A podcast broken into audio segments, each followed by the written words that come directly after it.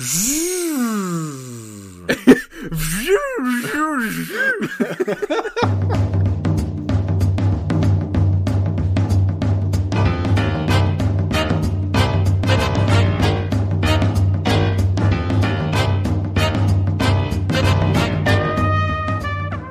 wtedy nie było takich pierdół, właśnie teraz młodzi to chcą tylko, tylko tego, żeby o, młody, dynamiczny zespół, owocowe czwartki, pierdololo. Y, o tak jak, jak żeśmy Kuba w Dev Life'a grali, to tam też są tacy yy, ci roszczeniowi gównażeria Taki cholera jest. Tak, to jest po prostu do zaorania. Kiedyś człowiek się cieszył, że mógł ten węgiel przewalać, zdobył doświadczenie, y, potem 30 lat y, za, zapierdzielał na, na budowie i, i fajnie było, pleców nie miał, a teraz to pieniądze chcą za swoją pracę i, i zarabiać chcą pieniążki. No ja, ja nie wiem, to jest po prostu degrengolada społeczna i, i ja się obawiam o, o w ogóle o gatunek ludzki i o tę planetę. Dlatego skolonizowałeś Marsa i jedziesz z recenzją RFX. Tak będzie. Tak będzie. No to trzeba właśnie wystrzelić tam tych młodych w kosmos, a my, my, se, my się tu zestarzejemy elegancko, y, nową młodzież spłodzimy i będzie się w Polsce żyło, już się żyje, ale jeszcze bardziej się będzie żyło dostatnio w tej krainie mlekiem i miodem płynącej. A dlaczego wyciąłeś dowcip z poprzedniego odcinka? Jaki dowcip? No czekałem na dowcip o, o, o, księdz, o księdzu? No o Jasiu, o Jasiu w krzakach. Ten, co zawsze opowiadasz. Jak, jak jakiś dowcip albo kawał nie, nie siądzie, to, to, to wycinam. Nie siadł tamten? No chodziło sobie, wyobraź, że nie. Kurwa. Ale tego tak z, do, z dobre 10 minut opowiadałeś. Ja wiem. Ja słyszałem go tak pół na pół, nie? Jak już miałem problemy z Discordem, wy mnie nie słyszeliście, ja słyszałem tak co drugie słowo i słyszę jakieś kurwa szczęść Boże, coś tam słyszę, ja pierdolę, Konrad z jakimś żartem wyjebał, nie? Na 5 minut ich zostawi.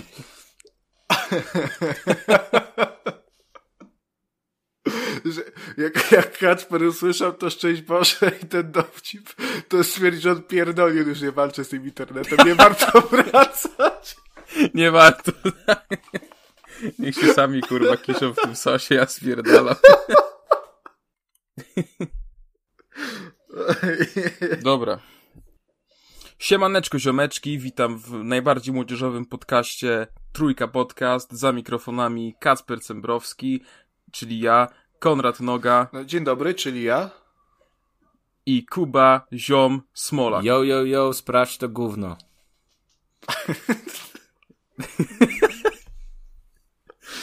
I dzisiaj zaczynamy jak zawsze od newsów. E, z tej okazji na początek, e, jak zawsze, jak się rozpoczyna nowy miesiąc, przedstawimy rozpiski e, abonamentów.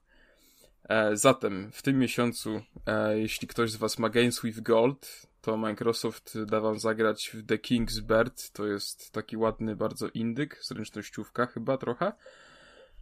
I w niego zagracie od 1 do 30 czerwca. Nie wiem, mieliście kontakt jakiś z tą grą wcześniej? Chyba to dostałem, albo to dostałem w Game Passie, albo nie wiem, czy Epic to nie rozdawał kiedyś. Ja nie grałem. Ja nie, ja nie grałem, ale jak patrzę na trailery, to wygląda całkiem ładnie.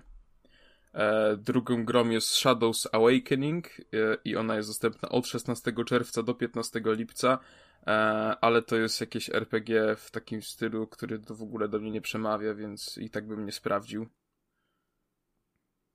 Teraz wy, wy, to tak zostawiłem pauzę, żebyście wypowiedzieli, czy wygraliście. Y, chyba mam na Steamie, ale nie grałem. Do każdej, do każdej gry tak będzie. To jest, Masz kilka co, tych gier. przede, przede, przede wszystkim nie musisz się nas pytać, bo tak jak patrzę na te rozpiski yy, Nie, kurwa, to, w tym ale miesiącu, to dobrze Microsoftowi idzie. no, Microsoft wszędzie, nie? Z tymi zarobkami z Game Passa to mógłby to trochę lepiej rzucić, ale... Nie, no Ale ja, Sony też ja, jakoś... to dobra. ja w Shadows grałem. I co fajne? Nie było, nie Fajne. było fajne z tego co pamiętam. Jakieś kojarzy, kojarzą No to- mi się jakieś mocno tam problemy techniczne i chyba optymalizacja była słaba. No pewnie to już poprawili, mm, ale nie, jakoś nie wspominam. Jeżeli nie pamiętam, to znaczy, że nie było dobre, o powiem tak.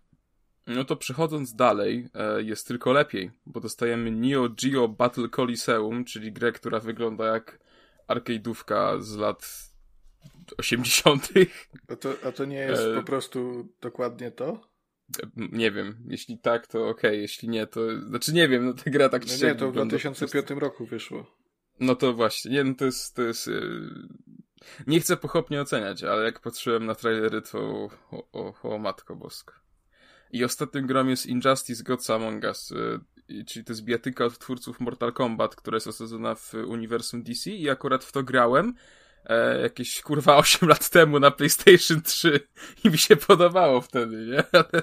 Nie no, fajna gra, no e, stara, ale, ale no, fajna. No, fajna gra, ale chodzi mi o to, że no, patrząc na to, na to zestawienie, nie ma ani jednej nowej, ani atrakcyjnej gry tak naprawdę. W sensie Injustice teraz kosztuje grosze w pudełku, czy To, to znaczy, wiesz, z Injustice i z tym e, Neo Geo Battle Coliseum e, sprawa ma się też tak, że to są gry e, też wydawane pod kątem Xboxa 360, co jest e, samo w sobie ewenementem, bo ta konsola, no przecież sprzedaż i produkcja zakończyła się bardzo dawno temu. A jeżeli ktoś. No właśnie ja uważam, że, ja uważam, że tutaj Microsoft już powinien podjąć męską decyzję o tym, żeby po prostu 360 już odwalić z, z tego wszystkiego. No bo umówmy się, ale to jest konsola już tak stara, że no nie ma no, sensu. No, no dobra, ale, ale oni mają dalej y, tą wsteczną kompatybilność, która jest olbrzymią zaletą nowe, nowych Xboxów. E, plus y, wątpię, żeby to było tak, że po odwaleniu tej 360 nagle dostaniesz po prostu, wiesz, gry na One czy Series Xa no bo jak Sony odwaliło y, PS3 i PS Vita parę lat temu, no to, no to skończyliśmy z dwoma grami zamiast powiedzmy sześciu co miesiąc, nie? Ale jakoś tych gier skoczyła. Nie ma co pierdolić. A, a czy ja wiem. No wiesz, ja, ja No ja uważam, że tak. Mi, mi się to podoba, mimo że tam, mimo że Golda nie, nie subskrybuje, no to jednak yy, całkiem mi się podoba to, że dają te starsze gry i że można do nich wrócić. Y, no ale rozumiem, że dla wielu, y, zwłaszcza młodszych graczy, no pewnie to nie jest jakaś wartość dodana. No ja na to patrzę jednak z taką nutą nostalgii. No ale wiecie, muszą dawać stare gry, bo nowe są w Game Passie. Boom! Szachmat. A to jest, to, to jest też ciekawa kwestia, bo odkąd jest Game Pass, to w zasadzie te, ten Games with Gold to, to nikogo. No, ja jestem zdania, że on w ogóle mógłby już nie istnieć i nikt by się nie obraził, ale nie wiem, no ja nie jestem po zielonej stronie barykady, nie miałem styczności w sumie nigdy na dłużej z żadną konsolą Xboxową. to może pora zacząć, no PS5 nie będzie jeszcze przez 2022 normalnie w sklepach ponoć. E, więc no jakby Kasper tutaj Xbox Series X. No, kupse. Czas pokaże. Czas pokaże. O, patrz, łamie się, zaczyna Ale się łamać. Będąc jeszcze, będąc jeszcze przy temacie Xboxa, 13 czerwca, czyli już niedługo, będzie wielka konferencja wspólna Xboxa i Bethesdy i e, na razie nie ma zbyt sensownych przecieków, co tam może się pokazać. Natomiast e, ponoć są ludzie, którzy twierdzą, że 13 właśnie czerwca to będzie dzień, w którym osoby bez Xboxa będą żałować, że tego Xboxa nie mają. Brzmi to bardzo wznieśle, wzniośle. Zobaczymy, co z tego wyjdzie. Eee, no, no nie wiem. Znaczy, ja ogólnie uważam, że ta współpraca Xboxa z Bethesdą to jest świetny ruch, jeśli chodzi o Microsoft, bo jakby nie było, wiadomo, każdy się z tej Bethesdy śmieje i w jakość gier, na, szczególnie na premierę, jest, jest bardzo wątpliwa. Niemniej jednak no, nie można odmówić Bethesdzie jej wielkości i, i już no, nie ma co gadać, ale sporo świetnych gier wychodzi spod ich skrzydeł, mm, więc to, to fajna sprawa. To, to, to też zależy przede wszystkim od tego, co rozumiemy przez gry Bethesdy, bo jeżeli to są robione faktycznie przez Bethesdę, Bethesdę, czyli to jakieś e, Fallouty i e, kolejne iteracje Skyrima, no to tutaj jakościowo no, jest faktycznie różnie, ale już, już wydaje mi się, że jeżeli chodzi o te wszystkie podmioty podległe, czyli e, na przykład takie serie jak, jak Doom, jak e, jak co tam jest ten Deathloop nadchodzący, chociaż to już pieśń e, przyszłości, ale na przykład Dishonored, no to też wszystko jest, jest podległe pod BTSD. Tutaj wydaje mi się, że jeżeli chodzi o jakość, nawet na premierę, to nie, nie ma y, jakichś większych zastrzeżeń. No ja bardziej miałem tutaj na myśli e, fal start Fallouta 4 i tym bardziej Fallouta 76. Czy Fallout 4 miał fal start? Czy, to, Może trochę wy, przesadziłem, wyda, ale bardziej mi się, chodzi o to, że... że on... okej, okay. no był, wiesz, no, grą Bethesdy, nie? No jak każda gra Bethesdy, ona, ona ma w chuj tych śmiesznych bugów. Ale on był jak najbardziej grywalny w 2015 roku, nie? I, I, mi się grało przyjemnie. No to, czy to był dobry Fallout, to jest inna kwestia. E, ale no... E, w sumie jestem, jestem ciekaw, co to oznacza, że osoby bez Xboxów pożałują, że nie mają Xboxów, bo nie wydaje mi się, żeby e, nagle Microsoft za zapowiedział razem z Bethesdą, że Fallout 5 i Skyrim 2 y, będą ekskluzywami dla Series Xa. Zwłaszcza, że oni ma, no, mają taką nie, politykę. w to mi się nie chce wierzyć. No, także no...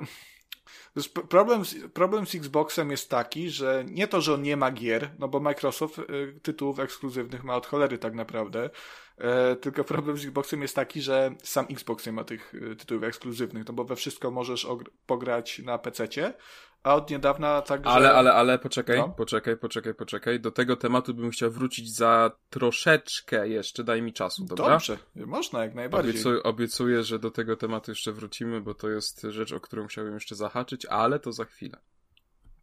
Z tego względu e, przejdźmy teraz do drugiej strony barykady, czyli do PlayStation Plus. I w czerwcu PlayStation Plus zaserwuje nam Star Wars Squadron, Star Wars Squadrons, e, czyli grę, można powiedzieć, że świeżą. E, Virtua Fighter 5 Ultimate Showdown, czyli z tego, co się orientowałem, to jest w ogóle gra, która ma premierę w plusie. To jest remaster, który ma premierę w plusie, bo gra pamięta jeszcze chyba czasy 360 no, no, no, no, no. i PS3. No, o to, o to, to miałem na myśli. I będzie Operation Tango, tylko że Operation Tango będzie wyłącznie na PS5, Chociaż gra chyba wychodzi też na PS4, jeśli się nie mylę, ale w plusie będzie tylko na, na piątkę. No to fajne, w Star Warsy Skąd bym pograł. Y, taka decyzja? W sumie, tak, wychodzi. Y, Operation Tango wychodzi na PS4, PS5, Xbox One, Series X, X y, i na PC. E, skąd taka decyzja? Nie mam zielonego pojęcia, no ale to mieliśmy tak wcześniej przecież z tym mm, mieszanką Fortnite'a i Rocket League, nie pamiętam już tytułu. Mieliśmy tak z Meniterem przecież, więc jest to już normalny zabieg. E, no na PS5 nie ma co gadać, ale takiej bomby jeszcze żadnej nie rzucili e, w plusie. No nie, no Odwall był w, w zeszłym miesiącu. jest. A no tak, okej. Okay. No to to jest chyba tak na największa, największa gra. Chociaż to też wiedzisz, no to znaczy, no tytułowo największa, ale to też jest seria, że albo ją bardzo lubisz, albo... albo... Ale dobra, Kacper, ale no ile, ile gier się ukazało na PS5? No w ogóle na te nowe konsole takich w ciągu, od, od, od premiery nowych konsol, ile gier się ukazało takich, które by naprawdę były takim dupnięciem i tytułem, yy, który by ci się śnił po nocach? No, tyle, no. Hmm, Cyber, no, Cyberpunk był, ale no to on się ukazał na poprzednich konsolach i, i śnić się mógł też z różnych względów. Yy, no, wszystko, co się... Znaczy, no chyba, wiesz co, jedyną, jedynym kandydatem to bym powiedział, że chyba jest Demon Souls, ale no to dla, dla fanów Souls-like'ów, nie? No ja bym jeszcze The Medium, Bo faktycznie The ten remake był bardzo wyczekiwany. No, ale to, to The jest... Medium nie było na Łana? Yy, nie, nie, nie, nie. Yy, The Medium to jest tylko okay. Series X. Bo tam potężne, no wiesz, dobra, tam okay. Polacy zrobili potężną grę i tam renderuje, wiesz, konsolę. dwa gameplaye w tym samym momencie, ten taki, kurde, łoniak, to on se, co, może se spice jajców co najwyżej, a nie tam puścić tę grę. Yy, no, ale gra bardzo fajna. Aha, jeszcze ewentualnie e, Returnal, który niedawno A, wyszedł. To no też tak. jest gra, która komuś może być przykry, że nie zagra na czwórce.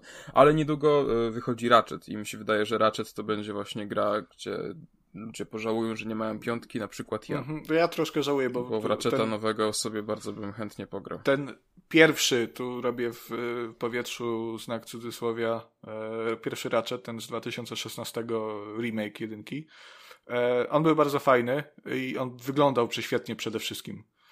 E, także ten, ten Rift Apart. No trochę żałuję, że nie mam PS5, e, ale no to no, konsola nie jest w takich cenach, żeby to można było no, jakoś uzasadnić w domowym budżecie. Bo 3000, 4000 no to no szkoda mi. No wiadomo. No w każdym razie, w Star Warsy sobie chętnie chyba sprawdzę, bo, bo tej gry byłem ciekaw od premiery. E, Virtua Fighter 5 to jest u mnie w ogóle ciekawa sprawa, bo e, e zamiarem kupna Tekena 7 ja się e, już biję e, jakoś tak od trzech lat i cały czas mam myślenie, e, nie kupuję, będzie w plusie. No jakbyś miał Xboxa, to, jakbyś miał Xboxa, to byś sobie Injustice miał fajne i, i też Injustice mam chyba w pudełku na PS3 właśnie, także to mnie nie ratuje. Ale e, tego Virtua Fighter sprawdzę, chociaż nie wiem, czy mnie to na dłużej przyciągnie. No, Operation Tango nie sprawdzę. Znaczy, wiecie co, ty tak mówiłeś, że marudzisz? Mi się to zestawienie całkiem podoba. Nie, no, Ale ja jeszcze tak trochę, trochę cię ostudzę, bo ostatnio e, ogrywałem te składronsy. No i tam nie jest jakoś tak, tak super. No to jest przyjemna gierka, ale nic specjalnego. Latasz sobie no stateczka. podsumował, Kuba. Ta, no to jest, to, to, ja też byłem troszeczkę podjarany, bo to wiadomo, że to y, uniwersum jest takie, że, że chciałoby się, chciałoby się zagrać, ale jak przychodzi do samego gameplayu, no to jest tak średnio bym powiedział. Ale na PS4 jest dodatkowy atut, bo wersja na PS4 Star Wars Squadrons ma um, opcję grania w czapce VR, no, czyli w tym PlayStation VR. Y, I chyba to jest ekskluzywna, yy, eks, ekskluzywna mechanika dla, dla tej konsoli, tak samo jak w przypadku Residenta 7 yy, to było. Także jak, jak, jak ktoś ma PSVR-a i PS4 czy PS5, no to jak najbardziej myślę, że warto tutaj sobie tą czapkę na głowę założyć i się przenieść w ten świat. Inne doznania też to są. No to no, no właśnie mówić, że na pewno. Ja w ogóle strasznie choruję na VR-a e, i jak będę miał troszeczkę więcej, e, taką, że tak powiem, wolną kasę, to na pewno kupię, bo to jest coś, czego jeszcze tak naprawdę nie zaznałem w sumie, ale totalnie mnie to ciekawi i uważam, że to jest, e, wiadomo, to nie jest coś, w czym się spędza czas codziennie, ale chciałbym strasznie mieć coś takiego w domu. A, jak, a jaką czapkę chcesz kupić? Nie no, wiesz co, PlayStation VR, e, niestety, niestety. Nie polecałbym. W sensie ja mam i to jest w sumie mój, mój jedyny hełm, ale on już był przestarzały w momencie premiery, jak ja go kupowałem, też po, nie wiem, dwa lata później.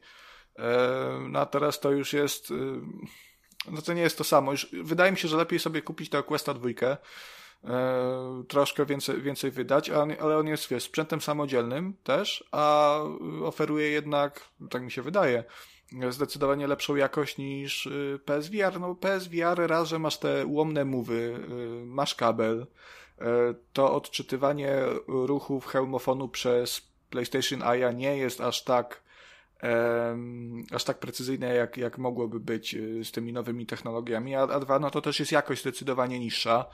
E, no widać te piksele, jak ja pierdzielę, to jakby to jest, to jest też ten problem, że jak ubieram PSVR na głowę, to nie potrafię się całkowicie przenieść do tego świata, no bo widzę, że jest wszystko rozpikselowane, nie?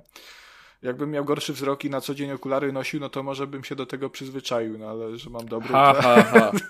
Bardzo kurwa śmieszny.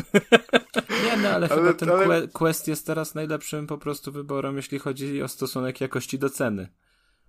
Tak, i, i ilości gier też, nie? No bo na PSVR tam wychodzą jakieś ochłapy tak naprawdę, a na, na takiego Queston to i Half-Life Alyx masz, jakieś te, te dziwne Boneworksy i, i różne ciekawe tytuły, więc um, no, no pod tym względem jest zdecydowanie lepiej też. Tak jakoś ze dwa miesiące Ale temu. Ale w Ironmana VR się nie zagrasz.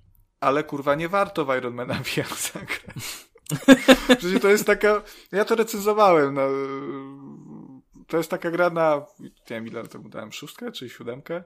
To jest spoko, nie? Ale to nie jest nic, co, dla, dlaczego warto kupić yy, konsolę, no.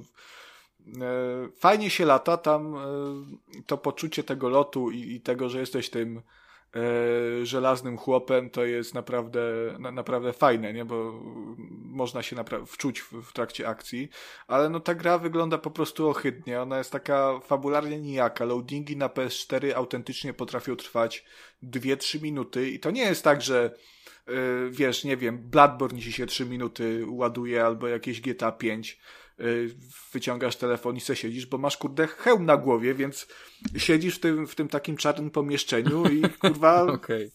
czytasz po raz 50 te, tego samego tipa na ekranie. Ale masz y, czas Plus porozmyśleć jest... nad życiem, trochę filozofii liznąć. Tak, tylko, tylko wiesz, w tym, w tym momencie rozmyślasz y, nad tym, co ty kurwa robisz właśnie swoim życiem, siedząc w tym loading roomie, no. A potem, się, potem mapa się, się ładuje, yy, ładuje się yy, Szanghaj i naprawdę zobaczcie sobie, jak wygląda Szanghaj w tej grze, bo to jest mapa gry, która wyszła w 2020 roku, a wygląda jak, jak kurwa Supermana 64. I nie żartuję teraz. Autentycznie, to są, wiesz, 10 takich prostokątów y, imitujących y, wieżowce na płaskiej mapie, na której masz tak, takim wiesz, no jakbyś w pęcie jakimś tym bra braszem takim yy, namalował sobie pro małe prostokąciki mające symbolizować mniejsze domki i wiesz, i takie paski symbolizujące ulice. No, no do dupy to wygląda, no nie oszukujmy się. No jakoś tak ze dwa miesiące temu miałem, miałem tą zajawkę na, na Questa dwójkę, co nawet gadaliśmy gdzieś, ale przez to, jak to w Chinach działa i że to jest teoretycznie nielegalne tutaj, bo, bo wszystko, co od Facebooka jest przecież zbanowane, to się poddałem. No nie wiem, pani, pani ze sklepu mm, zaręczała mi, że jak kupię, to ona mi pokaże, jak to zrobić, żeby działało, ale jednak jakoś tak nie, nie, nie chciałem ryzykować, że może nie mógłbym w pełni korzystać z możliwości tego.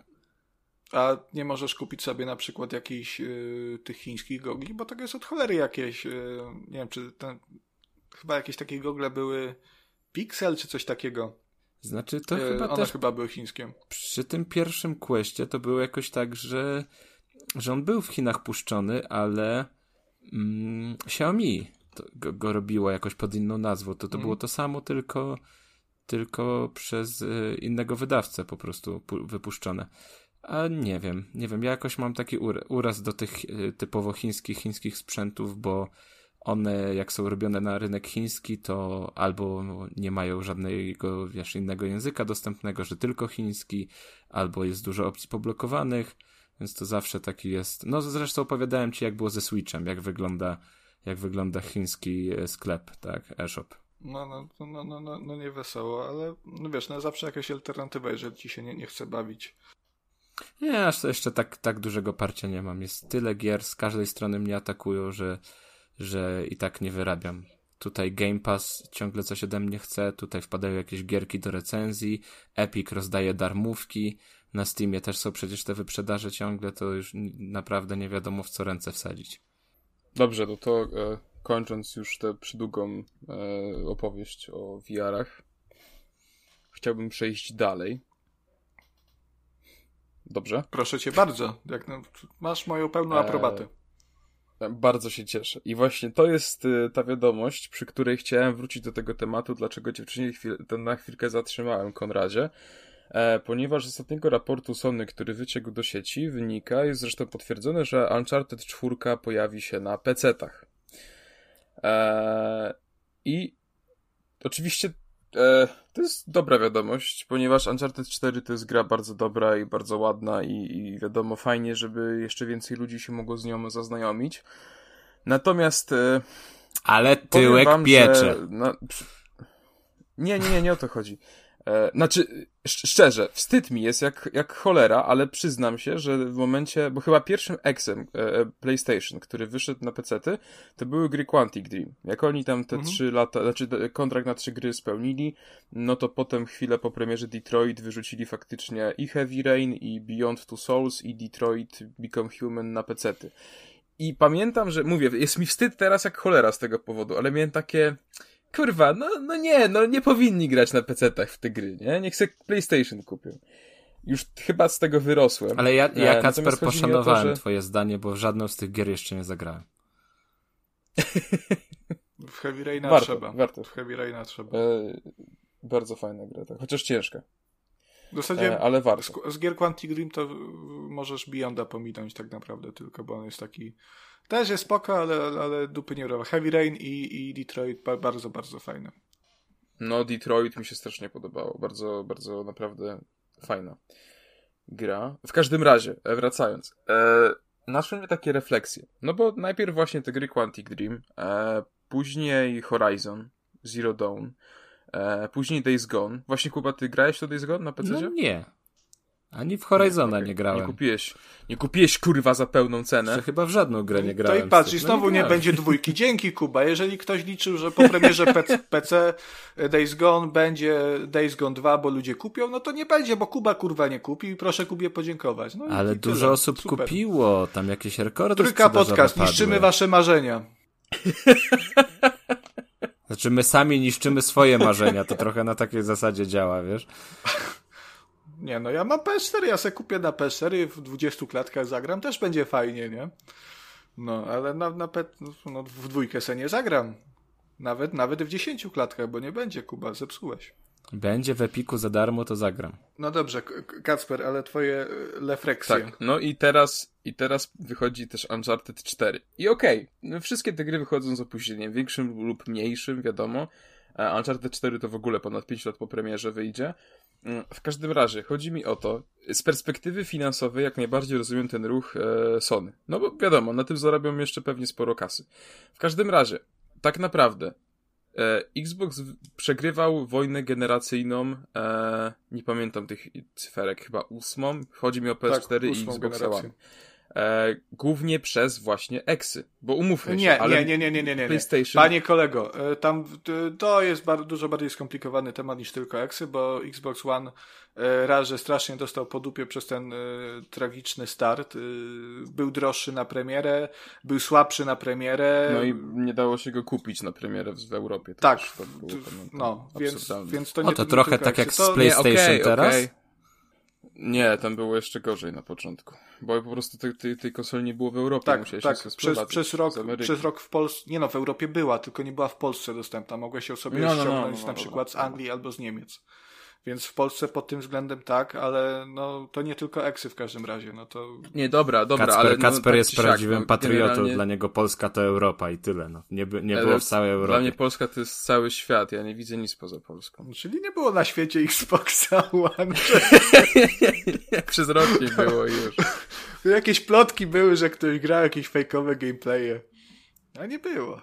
Wracając po raz kolejny. Chodzi mi o to, że tak czy siak ja wiem, dobra, bardziej złożone, Konrad musi sobie pomarudzić, ale jakby nie było, główną mocą PlayStation były ekskluzywy. Ja to jak najbardziej rozumiem, bo e, umówmy się, każdy chce zagrać sobie w Uncharted, w God of War'a nowego, który też, e, w The Last of Us, w, Marve e, Marvela, Boże, w Spidermana. Sporo jest tych atrakcyjnych tytułów, natomiast Sony coraz bardziej się z tego wypstrykuje. I ja uważam, że jeśli e, podtrzymają tą swoją tendencję, a wydaje mi się, że podtrzymają, bo nie widzę powodu, dlaczego mieliby teraz nagle zrezygnować z tego, to uważam, że moż, mogą się troszkę nóżki rozjechać. Jeśli oni faktycznie na tego Game Passa nie odpowiedzą czymś swoim, a wątpię, żeby tak się stało, bo chyba nie do końca mają budżet na, na coś takiego w tym momencie, no to wydaje mi się, że mogą się trochę zdziwić. Co, ja, ja, pamiętam na przykład rozmowę ze swoją mamą sprzed y, iluś tam lat. Y, jak jeszcze byłem małym szczylem i, i tam, nie wiem, coś tam o, o gierkach tłumaczyłem i, i, i, był właśnie temat ekskluzywów. I ona bardzo nie mogła zrozumieć y, jakby sensu tego, w ogóle samej idei tytułu ekskluzywnego, no bo lepiej przecież jest, jeżeli możesz sobie e, w każdy tytuł zagrać na jakimkolwiek sprzęcie, a nie a nie musisz kupować specjalnie konsolę po to, żeby sobie w Days Gone e, czy tam w Uncharted zagrać na PlayStation 4. E, ja wtedy tego bardzo nie rozumiałem, bo, bo byłem taki, no tam chyba tłumaczyłem, że no, a bo se, o, se kupię Xboxa One, bo tam tytuły ekskluzywne na PC mi nie pójdą, czy coś tam. E, jakby byłem taki, taki trochę, nie wiem, zacietrzewiony w tym, że muszą być ekskluzywy, bo to, bo, bo to jest przecież no, dobre dla klienta, bo, bo tytuły lepsze i faktycznie te, te często te tytuły ekskluzywne to są jedne z tych najlepszych gier na, da, na danej platformie. E, natomiast im jestem starszy, tym e, mam bardziej antyekskluzywne podejście do gier i wolę jednak, żeby jak największa liczba graczy e, mogła zagrać. Także no ja na przykład bardzo nie rozumiem bardzo nie rozumiem właśnie takich zachowań, tak jak mówiłeś, że Uncharted 4 wychodzi e, na PC, ta gra, która już ma 5 lat, a tam nagle dupy pękają, że kurwa, jak to be, moją grę będę grać? Na PS4 nie chcę kupić, kurwa! No, to głupie podejście moim zdaniem i, i takie no, troszkę toksyczne. Yy no jednak powinniśmy się raczej dzielić tymi grami, a jeżeli chodzi... Nie no pewnie, to znaczy to jest podejście takie bardzo fanboyowskie mi się wydaje. No, yy, takie już to, to jest, to jest bardzo fanboyowskie i ja osobiście, no, no. zwłaszcza ta generacja mi, mi, to, mi to pokazała, yy, że yy, ja jednak wolę, jeżeli y, kupić ten sprzęt, który mi odpowiada jako, jako sam sprzęt z jakimiś tam usługami, jakie, jakie oferuje producent. I na przykład, y, mimo że ja wiedziałem, że y, w tej generacji nic się kompletnie nie zmieni, jeżeli chodzi o ekskluzywy i Sony będzie wywalało Demon Soulsy, Ratchety i Clanki, y, te Deathloopy, które mają chyba roczną ekskluzywność i pewnie kolejne Unchartedy, The Last of Us i inne pierdololo a na Xboxie nowe wszystko w zasadzie będę mógł sobie zagrać na PC, czy od niedawna także na komórkach w, w, w część tych tytułów. I to nawet nie podpinając pada, bo, bo przecież prowadzili te, to sterowanie um, dotykowe. To jest w ogóle zajebiste, że w Gearsy możesz na smartfonie zagrać paluchami spalując po ekranie. E, no ale wiesz, no co, co mi z tego, jeżeli no, no raz, że nie mogę tej konsoli dostać, a, a dwa, że E, jednak podejście Sony do, mm, do klienta w ostatnich latach jest bardzo takie, powiedzmy, takie sobie. A w dodatku, no, no sam sprzęt, no jednak się, jeżeli, jeżeli się patrzyło na to jakieś porównanie czy coś, no jawił się jako, jako słabszy, no ten dysk ma szybszy, nie? Ale bebechy ma słabsze, ma, ma dysk słabszy, plus no PlayStation jednak Zazwyczaj PlayStation, jeżeli chodzi o hardware, to mnie do, dosyć zawodziło. PS3 miała olbrzymie problemy z płynnością w wielu grach. Na przykład nie, niesławny port Bajonety, który na 360 chodził w 60 klatkach, na PS3 w 30 I, i to w zasadzie była norma, że na gry na PS3 chodzą gorzej. E, PS4, które kurwa po roku zaczął wyć tak, że mam wrażenie, że opętał je jakiś demon i autentycznie bez słuchawek no, no ciężko jest grać. E, na, na, Xbox jednak i ten system jest jakiś, jakiś taki przyjaźniejszy i są te Game Passy i Microsoft się zdaje jakiś taki bardziej prokonsumencki, może to jest yy, najprawdopodobniej tak czysto marketingowa zagrywka to wszystko. no ale no też ta konsola była no, mocniejsza, była trochę mniejsza, więc wolałem wziąć Xboxa, wziąłem Xboxa, jestem bardzo zadowolony, ale na PS5 i te, które, te 5 Xów, które na to wyjdzie w ciągu kolejnych kilku lat, no to se zagram za te kilka lat, jak konsola te stanieje i będzie dostępna w normalnej cenie. No. no i my jesteśmy zadowoleni, że ty jesteś zadowolony. No. Jak najbardziej. No i tak to jest, też byś Kasper Xboxa kupił, a nie... A, dobra, tato, daj mi już spokój. Znaczy no. ja jeszcze obstawiam, że tak 2-3 miesiące i, i Kasper się złamie. Hmm, czas pokaże. To czy się złamie i kupi PS5 za 6000 zł od Janusza, czy czy, czy Xboxa. Nie, no teraz już nie jest tak źle z tym PS5. Już teraz jak ci zależy, to, to można dostać, można wyrwać jednak już.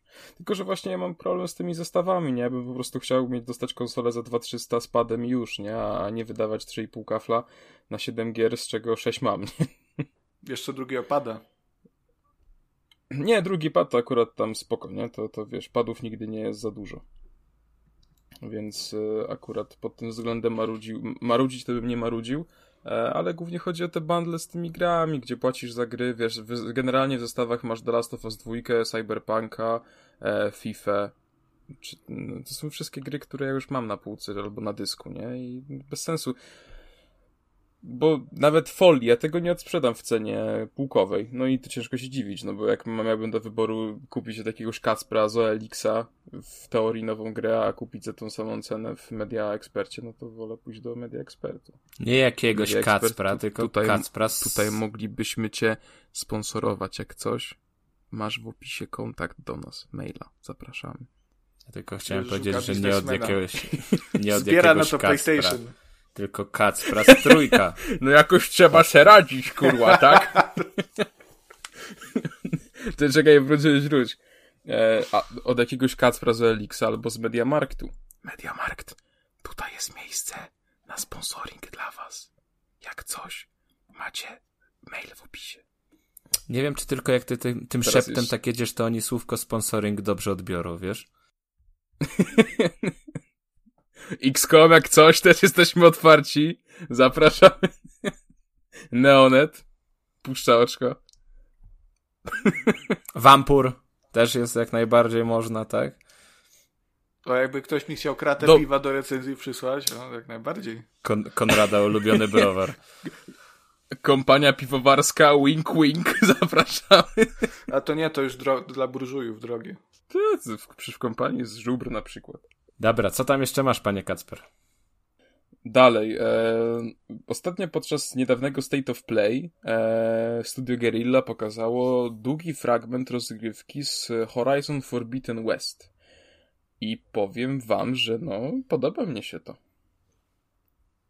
Nie wiem, czy widzieliście, e, jak, jak no, wygląda widzisz, ta gierka? Ja widziałem, też mi się to podoba, ale no już kompletnie nie czuję, żebym chciał w to zagrać. No już naprawdę od długiego czasu nie mam tak, że widzę jakiś tytuł AAA i chce mi się w niego, że muszę zagrać. Mm, nie, mi się bardzo w ogóle podoba, się nie grzeje. Szczerze, ten, e, mi się strasznie podoba ten materiał. Ja, oczywiście zaraz pewnie Konrad wyleci. Hej, kurwa, ale wiesz, że on jest e, scenariuszowany, nie? I to pewnie gra tak nie będzie wyglądać. No bo nie, be nie e, będzie, ale, ale, żaden zwiastun to nie wygląda tak jak gra, no. Natomiast bardzo mi się to podoba. No czekaj, a, a, a Cyberpunk? Przecież to prawie to jeden, do, do jedne, jeden do jednego tak, było. Jeden do jednego, jak na zwiastunach było. Nawet lepiej. Mm, nawet nie, no to wiadomo, że było dużo, było dużo lepiej. Cała gra była dużo lepsza niż pokazywali i zapowiadali. Eee, w każdym razie, kurwa, jak wy mi przerywacie dzisiaj. Sam se przerwałeś. Przepraszam bardzo, ja słuchałem elegancko, co ty masz do powiedzenia o Horizonie i wchodzi kac, no zaraz Konrad będzie narzekał, że coś tam, kurwa, no to się wypowiedziałem, no to przepraszam bardzo, nie chcę, żebym ci przerywał, proszę nie wywoływać wilka z lasu. Albo Konrada z bardzo mikrofonu. Mi się, bardzo mi się ten Horizon podoba. E, cieszę się, że będzie taki tropikalny klimat, natomiast przede wszystkim, co mnie po prostu totalnie urwało mi dupę, to jest świat podwodny. Jak to po prostu pięknie wygląda, te rafy kola, kora, ko, kolo, koralowe, piękne są. Wspaniałe. One są tak w ogóle, są piękne, także... No, one w, w Minecrafcie też są piękne rafy. Kol, koralo, kol, kolirarowe. Piękne są też, mówię to całkowicie poważnie. Dlatego ogólnie to... Po to co grać w Horizona, jak można grać w Minecrafta? To samo. Łuk też jest. Jezu, no chodzi mi, że ładnie. A masz w Horizonie ray, ray tracing? W Minecrafcie jest ray tracing. Wiem, że jest, ale średnio, średnio działa, powiem ci. Jak tak patrzyłem, to tak jeszcze niedopracowany, według mnie. E, ale tu mam szczerze trochę. Sony cały czas twierdzi, że ta gra będzie na PS4 i PS5. E, daty premiery nie podali, co by sugerowało, że troszeczkę jeszcze poczekamy na tę grę. Ale ja nie wierzę w to, że ona będzie działać na PS4 i że będzie tak dobrze chodzić i będzie tak wyglądać. Po prostu w to nie wierzę. Nie ma takiej możliwości. Nie, no, no będzie działać gorzej i wyglądać brzydziej. No wiesz, no Watch Dogsy też były na 360, nie? No jak to wyglądało i działało, no to inna kwestia. Ale to zgadzam się, tą pępowinę powinni już dawno uciąć i znaczy nie, wiesz, mnie to trochę śmieszy, bo na przykład taki Returnal, który według mnie spokojnie dałby sobie radę na PS4.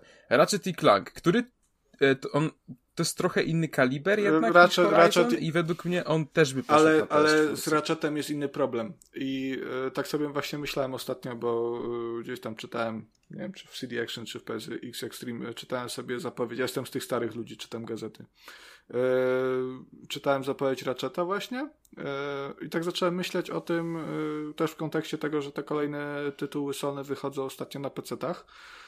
I tak zacząłem sobie myśleć, jak, jak by to było w przypadku Ratcheta, no bo jednak Ratchet jest konstruowany z myślą o tym super szybkim uber duper dysku SSD do PlayStation 5, który Mark Cerny przez godzinę tam bajerował. I no, cały gameplay ma być właśnie oparty o te rifty, o, o te wyrwy w czasoprzestrzeni i natychmiastowe przenoszenie się pomiędzy różnymi, różnymi wymiarami, różnymi światami. Także jeżeli na tak myślałem właśnie pod kątem PC-ta, nie? Że na PC no raczej by to średnio wyszło, bo nawet jeżeli ktoś ma SSD, no to, no to i tak potrzebujesz bardzo y, szybkiego y, kompa, a, a, wciąż te loadingi jakieś tam y, chyba zawsze będą. Y, mogę się mylić, nie jestem bardzo PC-owym gościem. No ale w przypadku PS4, te, tak jak teraz mówisz, jeżeli by to mieli przenieść tam, no to kurde, no to jest sprzęt, który ma już 8 lat, no prawie, e, i który ma HDDK też, więc raz, że on jest słaby. Nie, okej. Okay. No to musiałbyś mieć loadingi. No to, to by akurat w przypadku Ratcheta myślę, że nie wyszło. A w ogóle te loadingi to jest coś najgorszego. Jak w grach mogą być jakiekolwiek loadingi. To jest przecież tragedia. Jeszcze nie daj Boże, by trwały z 15 sekund. To już się w ogóle nie da grać w taki tytuł. Mnie Xbox też rozpieścił właśnie pod tym kątem i jak coś włączam starszego albo na starsze konsole, to się pochlastać idzie po prostu. Ja sobie nie wyobrażam. Nie, nie. Kiedyś, jak się w Gotika grało drugiego, to jak był loading, to byłeś w stanie, nie wiem, lekcję odrobić, e, obiad y, pomóc rodzicom y, i przychodziłeś i była gierka załadowana, po czym po pięciu minutach znowu cię ork zabijał i cały y, proces powtarzał się od nowa. Tam w Gotika to nie trzeba tak daleko sięgać. Red Dead Redemption 2 na, na konsolach poprzedniej generacji, no, albo nawet do pewnego czasu GTA 5. Tam też sobie mogłeś zrobić no, obiad tam odkurzyć. też bywały, bywały długie loadingi, to prawda. Ale, ale Rockstar ma fajnych fanów i fani im zrobili ten moda, który im to naprawił, kurwa, po 8 latach. No niemniej jednak, e, uważam, że Horizon... Patrz, zamienił w być, każdym razie. E, Znalazł synonim do w każdym razie. E, niemniej jednak. W każdym razie e, wydaje mi się, że Horizon 2 może spokojnie, lekką ręką przebić jedynkę e, i, i uważam, że jest na co czekać. I faktycznie to może być jedna z atrakcyjniejszych premier na, na piątkę e, w najbliższym czasie. Mm, no to teraz już e, kończymy tematy gier około ekskluzywnych i odchodzimy od e, Sony i od e, i, Microsoftu, a przechodzimy do takich gierek ogólnych, czyli e, gra, z której się śmialiśmy ostatnio, czyli Dying Light 2. Mieli swój pokaz, pokazali trochę rzeczy, pokazali rozgrywkę, twórcy opowiedzieli, co tam się w fabule wydarzyło e, w tej przerwie, e, przybliżyli nam głównego bohatera, no i podali datę premiery i gra ma się ukazać już, e, proszę Państwa, 7 grudnia bieżącego roku na PS4, PS5, Xbox One, Xboxa Series X, S i na PC-ty. E... No. No i fajnie. Właściwie. No, w sensie, no, e, bardzo mi się podoba materiał e, na TV Gry, który ostatnio oglądałem, e, w którym bodajże Arash, jeśli się nie mylę, poruszył tematykę tego, czy Dying Light 2 to dalej jest gra w ogóle o zombie. E, I bardzo trafna uwaga, bo właściwie cały pokaz i cała gadanina twórców skupia się na wszystkim, tylko właśnie na zombie. Bo to jest teraz gra o Mm. życiu. Znaczy to chyba też może dlatego, że ten temat zombie mniej jarać może gracze niż, niż jakieś wojny frakcji i, i tak dalej. Dying Light 2 powstała po prostu tak długo, że się nastroje społeczne zmieniły i gracze już nie rają Znaczy zombiaki. ciężko, już ciężko się też tym tak jarać. Na przykład mam tak, że e, fajnie, y, pewnie i tak przełożą premierę, no może zagram kiedyś, pewnie tak. Muszę jeszcze w ogóle jedynkę przejść, bo mam w pudle na, na PS4, ale jakoś nam nie było po drodze do tej pory. E, w sensie te, te gameplaye nie wyglądają wcale źle. Ja nie mówię, że to wygląda źle. Nawet bym powiedział, że wygląda całkiem atrakcyjnie, ale nie wiem, jakoś no tak nie, nie, nie potrafię się strasznie tym ekscytować. Po prostu. A powiedz mi ty jeszcze, Konrad. E, ha, no i też poka... No proszę, proszę. Kto? Chciałem Konrada zapytać, czy. E, ja chciałem tylko jeszcze... Aha, dobra. Chcia... Chciałem... mów, mów, proszę, Chciałem na, nalegam. Konrada zapytać, czy pamięta fabułę z jedynki, bo ja jedynkę ogrywałem, ale no tak... Nie, nie, nie grałem w jedynkę. A, nie grałeś. No widzisz, bo taką miałem ostatnio rozkminę, że tam cały czas y, są te zombiaki, ale też no, na tych materiałach z dwójki było całkiem sporo ludzi, tak? Ale te zombiaki to powstają z ludzi, którzy są zarażeni tym wirusem i tak dalej, jeśli dobrze pamiętam, tak? Nie wiem, chyba. Czy ktoś to może potwierdzić? I tak sobie pokminiłem, że załóżmy, że mamy 10 osób w takiej jednej frakcji. 10 osób tygodniowo, No. powiedzmy, że zabija, nie wiem, tysiąc zombie. Ile by, po, ile by potrzebowali tygodni, żeby pozbyć się wszystkich zombie z miasta i sobie założyć tam normalne miasto, zamiast biegać po dachach i, i, i frakcje robić i pajacować? A skąd wiesz, A a skąd wiesz że te zombiaki nie składają jajów gdzieś tam w kanałach? No właśnie nie wiem i myślałem, że może pamiętasz coś z fabuły, bo to ja miałem taką, wiesz, taką, taką rozkminę na, na kiblu po prostu. Jak już jesteśmy w takich rozkminach o zombie, ostatnio oglądałem z Mirelą to ten film Netflixowy, ta Armia... Umarł. Armia Nieumarłych? O, no, a Umarłych, okej. E, I właśnie tak zaczęliśmy rozmawiać, że ciekawy byłby film, w którym cały świat to są zombie i jest nagle, pojawia się jeden człowiek i on musi gryźć zombie, żeby się zombie zamieniały w ludzi. Czyli Pac-Man. To by było dopiero coś. To ja, ja widzę, że to było albo zakrapiane, albo takie opalane, opalany seans. Pomidor. w każdym razie, e, no nie wiem, ja w sensie no, jestem ciekaw bardzo tej gry, ale czy czekam, nie wiem. E, co więcej mogę powiedzieć, że e, pokazali też już edycję kolekcjonerską, która jest bardzo, bardzo, bardzo ładna e, i kol będzie kosztować jedynie 1100 zł, także już możecie składać preordery, e, pieniądze nieduże, warto. Nie no, 1000 zł, no. no, no. 1100, 1100. A Konrad tu targuje stówkę, eee. on już liczy tysiąc. Zaraz zadzwoni no do Techlandu, płacę tysiąc, biorę gotówko, przyjeżdżam. Ze szwagrem jestem za 15 minut.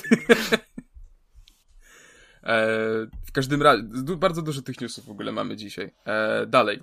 Ubisoft, e, tak jak obiecał, tak zrobił. Pokazali Far Cry'a 6. E, też powiedzieli, e, kiedy gra się pokaże. No i gra wyjdzie już... E, niedługo. Jeszcze w niedługo. tym roku. Niedługo, a dokładnie 7 października. E, I gra tak samo jak e, Dying Light 2 właśnie pojawi się na konsolach starej nowej generacji plus na PC-tach. No i powiem wam, że e, jak generalnie krótka historia Far Cry'owa moja. Jedynka, dwójka nie grałem, trójka zajebista, Primal do wyjebania. Zajebisty jest czwórka... Primal! Nie szkaluj Primala! Primal to jest w ogóle pomylone coś. Zajebiste e... jest, po prostu jesteś Kasper, jesteś zbyt zamknięty w ramach Wszystkie oprócz takich... jedynki i dwójki są do wyjebania. No weź, trójka jest złoto, come on. Trójka, trójka jest świetna. Jest wow. Każdy mocny jest fabularnie, jest tak mocny, że po prostu rozpierdala mózg. No nie no, aku... trójka może nie, rozpier... nie, trój... nie, nie rozpierdala e, mózgu. Trójka była zajebista. Trójka, mo... trójka była zajebista, może tu nie... się będę kłócił. Może trójka nie rozpierdala mózgu, ale ona jest bardzo sprytnie, fabularnie poprowadzona. To nie jest jakaś fabuła, która yy, no, będziesz myślał przez miesiąc o tym, że Jezus, jak tam ten zginął.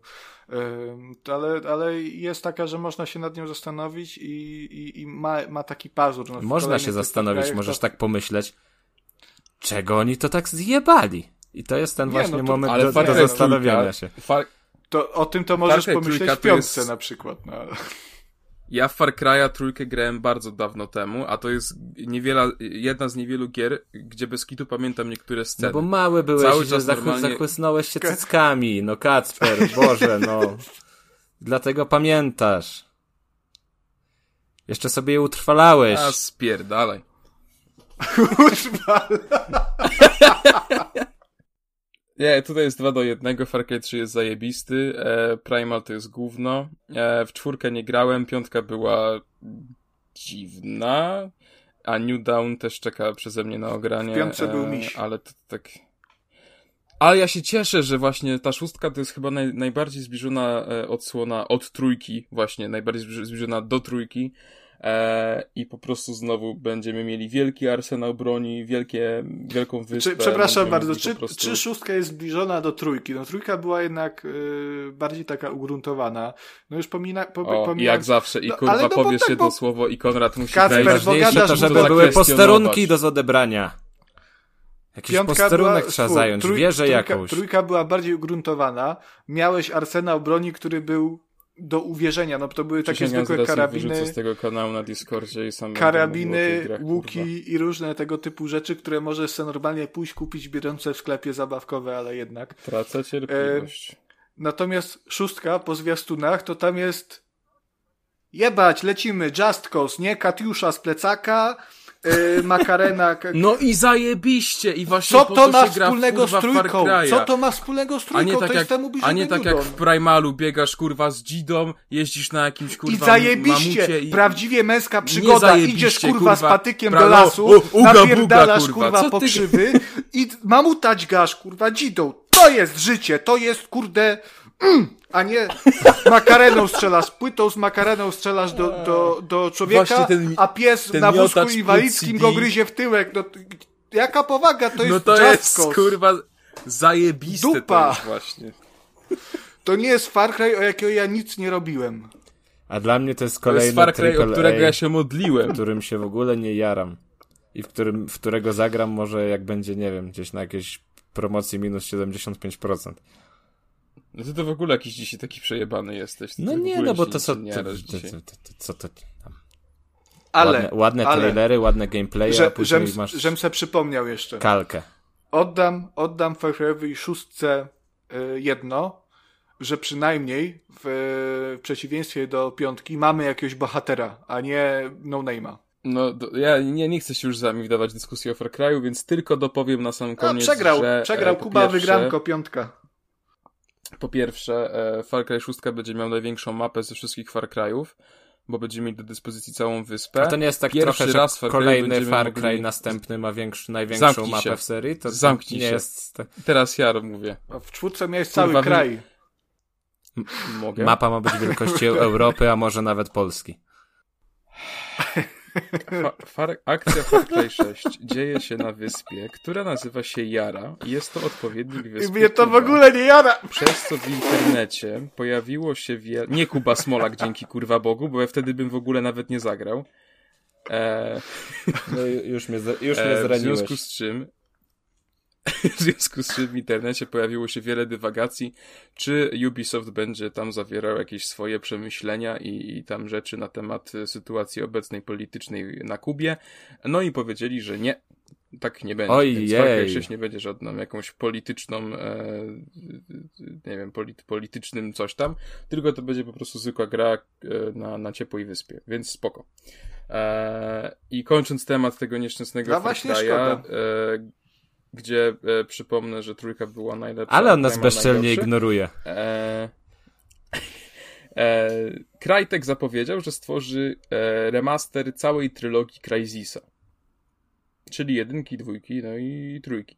E, no i nie wiem, co o tym myślisz. W sensie grałem, recenzowałem zresztą remaster Crysisa pierwszego e, w zeszłym roku. e, Na, akurat ja grałem na Switchu. I to był taki paździerz. Jezus, ta gra była tak brzydka, tak źle przeniesiona na tego Switcha. To w ogóle nie wiem, jak to był remaster, ja bym to bardziej nazwał portem. E, na to w ogóle nie czekam. W dwójkę nie grałem, więc bym sprawdził. W trójkę grałem, trójka mi się bardzo podobała. Także e, no spoko, nie? Trylogia do sprawdzenia. E, daty premiery chyba nie ujawnili, jeśli się nie mylę. Aha, ma być jeszcze w tym roku. Pod koniec, jesie, jesienią tego roku ma się pojawić, tylko tyle wiadomo. To jest taki kolejny krok y, sprawdzający, czy ludzie jednak chcą tego Crysisa. Tak? No, Tak mi się wydaje, że przed zrobieniem czwórki tak patrzę, czy jeszcze jest, czy je- jest nadal sens w ogóle. Nie, No to... Ja już nic nie mówię, bo zaraz znowu powie, że będę marudził, ale... A trochę strach się odzywać, co nie? Trochę nas tak zastraszył. Tak. Zaszykanował. No, umówmy się, Crysis to, to, to jest taka seria, która... Nie wytrzymał. No słucham, Chyba słucham. gotowało się. No powiedz, powiedz. powiedz, powiedz, co tam myślisz? Ja nie wiem, czy Crysisa ktoś tak naprawdę lubił poza tą jedynką, bo te kolejne dwie części, one były spoko, ale to takie do zapomnienia trochę, mam wrażenie. Ładne były i, i, i, i tyle. No ale to ta jedynka Je- tym wyglądem pozamiatała, No tak? o właśnie, tym, o no, tym, o to się, to o tym się gadało. To był taki wyznacznik grafiki, taki benchmark wtedy. Tak, i jedynka to była gra, która wszystkim się zajebiście podobała, potem wchodzili kosmici i już kosmici zostali do końca serii, nie? Więc No ale to nie wiem, to graliście w ten remaster tej jedynki? nie, w jedynkę grałem. Nie, bo powiedziałeś, że chujowy, to nie graliśmy. No bo, bo, bo, bo znaczy, no sama gra jest spoko, po prostu Crazy 1 jest spoko, ale ten remaster, e, patrząc na, na samą jakość remastera, to jest klapa. E, może to inaczej wygląda na, na innych e, sprzętach niż na No, Switchu. no, no, grałem- nie no, na grałem Switchu to wiesz, to... Ale zresztą tam była taka akcja, że on się na początku pojawił na Switchu, a premierę na PS4 i Xboxa opóźnili. Tak, bo, bo wypuścili ten trailer, na którym ta gra wygląda jak gówno i w zasadzie wyglądała gorzej niż oryginalny Crysis. Właśnie o to chodzi. No bez kitu. W sensie to był taki. E, w sensie, grając tego Crysisa miałem podobne odczucia jak teraz odpalając Mario 64 na Switchu. Tylko, że Mario nie udaje, że jest jakimś turbofajnym remasterem nowym, nie? to jest ta różnica. E, dobrze, kończąc temat tych newsów, bo się dzisiaj to ciągnie i ciągnie, e, powiem tylko, że e, zapowiedziano remaster Sonic Colors, e, czyli gry, która wyszła chyba w 2010 albo 2011 roku. E, ja ją mam na Wii ale jeszcze jej nie ogrywałem, e, także się nie wypowiem. Konrad pewnie gra, bo ty lubisz takie W starocie. życiu, bo ja Sonika bardzo nie lubię. Przeszedłem Aha, kilka okej. pierwszych, więc tam... No to w takim razie e, Sonic Colors Ultimate, e, czyli remaster właśnie e, Colors, pojawi się już 7 września na konsolach starej nowej generacji, PC-tach i na Switchu. Poza tym... No, Bo to, chciałem powiedzieć tylko, że to jest chyba jeden z tych lepszych nowożytnych Soników, gdzieś tam zaraz obok No mi się wydaje, że najlepszy. Bo on się faktycznie było o nim głośno i wygląda bardzo, bardzo atrakcyjnie. E, dalej, Sega poinformowała graczy, że w przyszłym roku pojawi się całkowicie nowa gra e, z e, właśnie serii Sonic. Natomiast ten teaser, co pokazali kilkusekundowy, nie zdradza ca- całkowicie nic, poza tym, że Sonic umie biegać. Także na więcej szczegółów trzeba poczekać i gra również pojawi się na konsolach starej nowej generacji, PC-tach i na Switchu. No i jeszcze będzie film animowany z Sonika, ale to chyba nikogo. E, Ale ogól, No, no i ogólnie to w Polsce to Sonic chyba jest tak mało popularny. mm, No mi się tak wydaje, że u nas chyba nie ma jakiegoś boomu na, na Sonika. Bo Sega nie była zbytnio, chyba konsole Segi nie były jakoś bardzo popularne w Polsce też, nie? Jest, bo cała, cała miłość ludzi do Sonika, no ona się jeszcze wywodzi y, z Mega Drive'a. Y, z jedynki, dwójki, trójki i potem może jeszcze z Dreamcasta, nie? No to takie konsole, które w Polsce, no tak średnio najeża. Dobre. Na, średnio na niebieskiego A, jeża. no widzisz. Ale nie myślałem o tym. ale, ale przyjmę. To sobie, to sobie wytniesz, że nie myślałeś o tym i to będzie elegancko. Dobrze, to teraz e, oddaję mikrofon e, z wielką chęcią i rozkoszą mojemu przyjacielowi Kubie, który opowie o indykach. Patrz, przed chwilą mnie zwyzywał, a teraz przyjacielowi. Ale proszę cię, nie przerywaj mi. Kurwa. Także e, trzy indyki jak zwykle. I pierwszy to jest, to jest gra, o której chciałem już wam opowiedzieć w poprzednim epizodzie, ale stwierdziłem, że tak w sumie to może, to może nie jest na tyle ciekawa, ale zrobiło się o tej grze ciekawiej teraz, na chwilę przed premierą, w związku z tym, że premiera została przełożona. A mowa tutaj o Land of War, The Beginning, które zadebiutuje na mm, PC-tach 10 czerwca. I to już jest ta nowa data premiery. A głośno się o tej grze zrobiło tylko dlatego, że mm, wszystkie symbole nazistowskie muszą zostać z niej usunięte, a jak y, wiemy, gra traktuje o II wojnie światowej. Więc ten, ten, ten temat y, konieczności wymuszenia na twórcach usunięcia swastyk i tak dalej, no bardzo się rozniósł po, po sieci. Mam wrażenie, że każdy większy portal napisał o tym newsa. Nie wiem, napotkaliście się z tym, czy to tylko mi się tak wszędzie wyświetlało? Nie, nie, było, było o tym faktycznie głośno. Dużo było smrodu o tym. No bo to jest głupie, no, come on. Bo to, jest wycinane w zasadzie wyłącznie pod kątem e, rynku niemieckiego. E, Bo, bo, no, bo tam nie można takich symboli pokazywać. E, Chociaż chyba ostatnio te, te restrykcje troszkę osłabili. E, No ale da, dalej no to jest takie, więc, więc oni mieli już gotową grę i postanowili przełożyć premierę, żeby wyciąć te symbole nazistowskie, a potem wydadzą patcha, który te symbole przywraca w krajach, w których to nie jest zakazane. No to jest takie... Nie, ja się nie znam. Może tu jest faktycznie jakaś logika za tym i tak trzeba zrobić, ale no tak na taki chłopski rozum. Yy, To wystarczyłoby w drugą rozum. stronę po prostu, że w Tak, tym jednym no, kraju bez, tak? To, wypuścić nie- patcha, nie? No, zwłaszcza, że y, jakby na PC-tach y, gry już praktycznie, szczególnie tego kalibru w pudełkach nie wychodzą. Y, no, Land of War wychodzi też na, na Xboxie i nie, nie wiem, czy na PlayStation też, no to tam nie jestem pewien, czy to wychodzi pudełkowo. Wydaje mi się, że, że chyba nie. Y, także ściągając grę z oficjalnego sklepu i tak już pobierasz wersję spaczowaną. Nie masz możliwości pobrania gry bez patcha ze sklepu. No, ale może są takie, a nie inne unijne restrykcje i, i taki jest proces postępowania po prostu, a, a logiki to tam szukać próżno. No ale jeszcze wracając... Ale powiedzcie mi, bo e, ja nie jestem pewien, ale wydaje mi się, że w Wolfensteinach normalnie był znak swastyki wszędzie i nie było z tym problemu. No, chyba był. No mi się kojarzy, że był. Może gadam teraz głupoty. Ale, jest, ja, ale ty, ale ty grałeś temat, w Wolfensteina w Niemczech y, na niemieckim koncie, czy grałeś w Polsce na polskim koncie?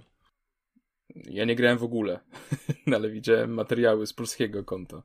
Y, to nie jest problem wersji y, jakby ogólnoświatowej, tylko problem jest w Niemczech, nie? Bo jakby w Polsce w dziełach kultury to nie jest, to nie jest zakazane. No mogą się te swastyki. No ja wiem, bo nawet jest ta manga do Adolfów ee, i tam normalnie na samej okładce masz wielki znak swastyki, nie? E, mhm. Więc e, to też, no, pamiętam, że z tym też było głośno, e, ale ale nie było potem. Yy, w sensie tak. no, finalnie podjęto decyzję, że to się normalnie ukazało. Zresztą to jest manga Tezuki, bardzo polecam, bardzo dobrze. Googlnąłem sobie szybko i yy, i tak na przykład Wolfenstein The New Order, czyli ten pierwszy Wolfenstein od yy, Machine Games, był ocenzurowany i na przykład jedną ze zmian w ogóle, to jest śmieszne, yy, było, było to, że yy, nie padało tam słowo naziści, ale o, o Niemcach mówiono jako reżim.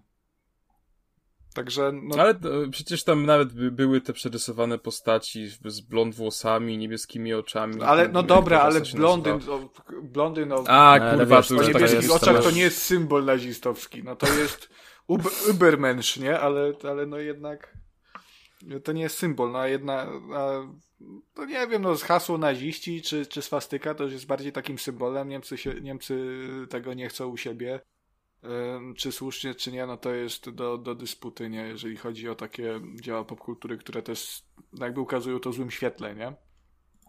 No ale tutaj eee, akurat... No, to, to, chyba, to chyba dobrze, stary, że ukazują to w złym świetle. No to, ale no to dobrze, tylko ja się zgadzam, nie? Tylko nie, nie, nie chodzi mi tutaj o moje przemyślenia, że chciałbym, żeby swastyka no, była w dobrym świetle. Ja mówię o tym, o, o Niemczech, nie? Że tam mimo, że w tych grach są te symbole ukazywane w, y, no negatywnie, nie? No bo to jednak y, naziści twu o zło, y, no to jednak i tak są te symbole kasowane i, i wymazywane z historii. E, tak z innych cenzur, w ogóle swastyk w Wolfensteinach tych nowych, na przykład w Youngbladzie, który jest chyba najświeższym Wolfensteinem, swastykę zamienione na taki jakiś dziwny odwrócony trójkąt, e, a w dwójce e, The New Colossus Hitler straci w ogóle swojego wąsa.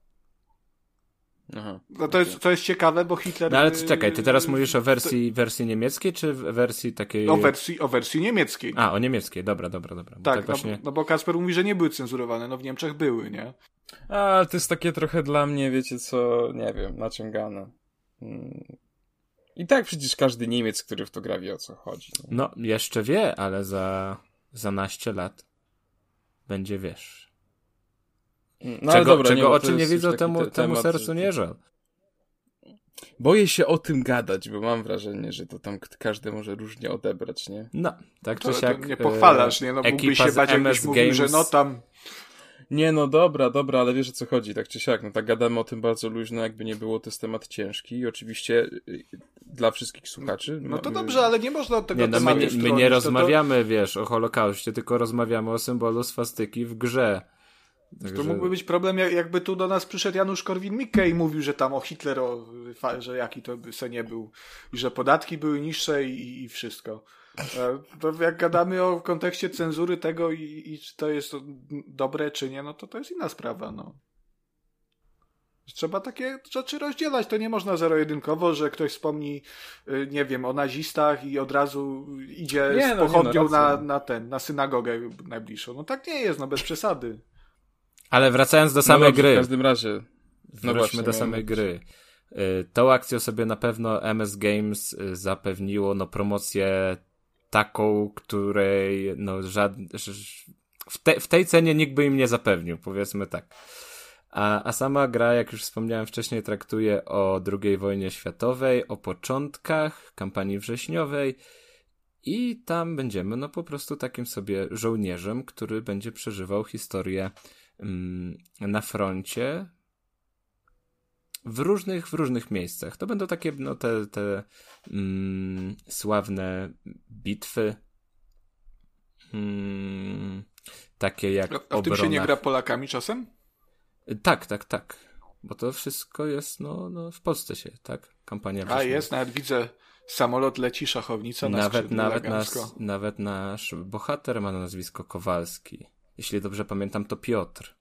Nie Jan, nie tak bardzo klasycznie, ale, ale jest Kowalski. No i ma być uzbrojenie ładnie odtworzone, wszystko tego realistycznie i, i zgodnie z tym, jak było. Ale troszeczkę mam, no mam wątpliwości, no bo to jest jednak ciągle budżetowa, pierwszoosobowa strzelanka. No i wiemy, jak to się może skończyć, tak? O, przepraszam, te, te budżetowe takie strzelanki drugowojenne często są dużo fajniejsze niż te strzelanki e, e, wysokobudżetowe, bo są robione e, no, z sercem, bym powiedział nawet. I takie tytuły jak Hell Let Loose, czy nawet Verdeu albo Tannenberg, one, one bardzo, czy to akurat pierwsza wojna, no ale mniejsza.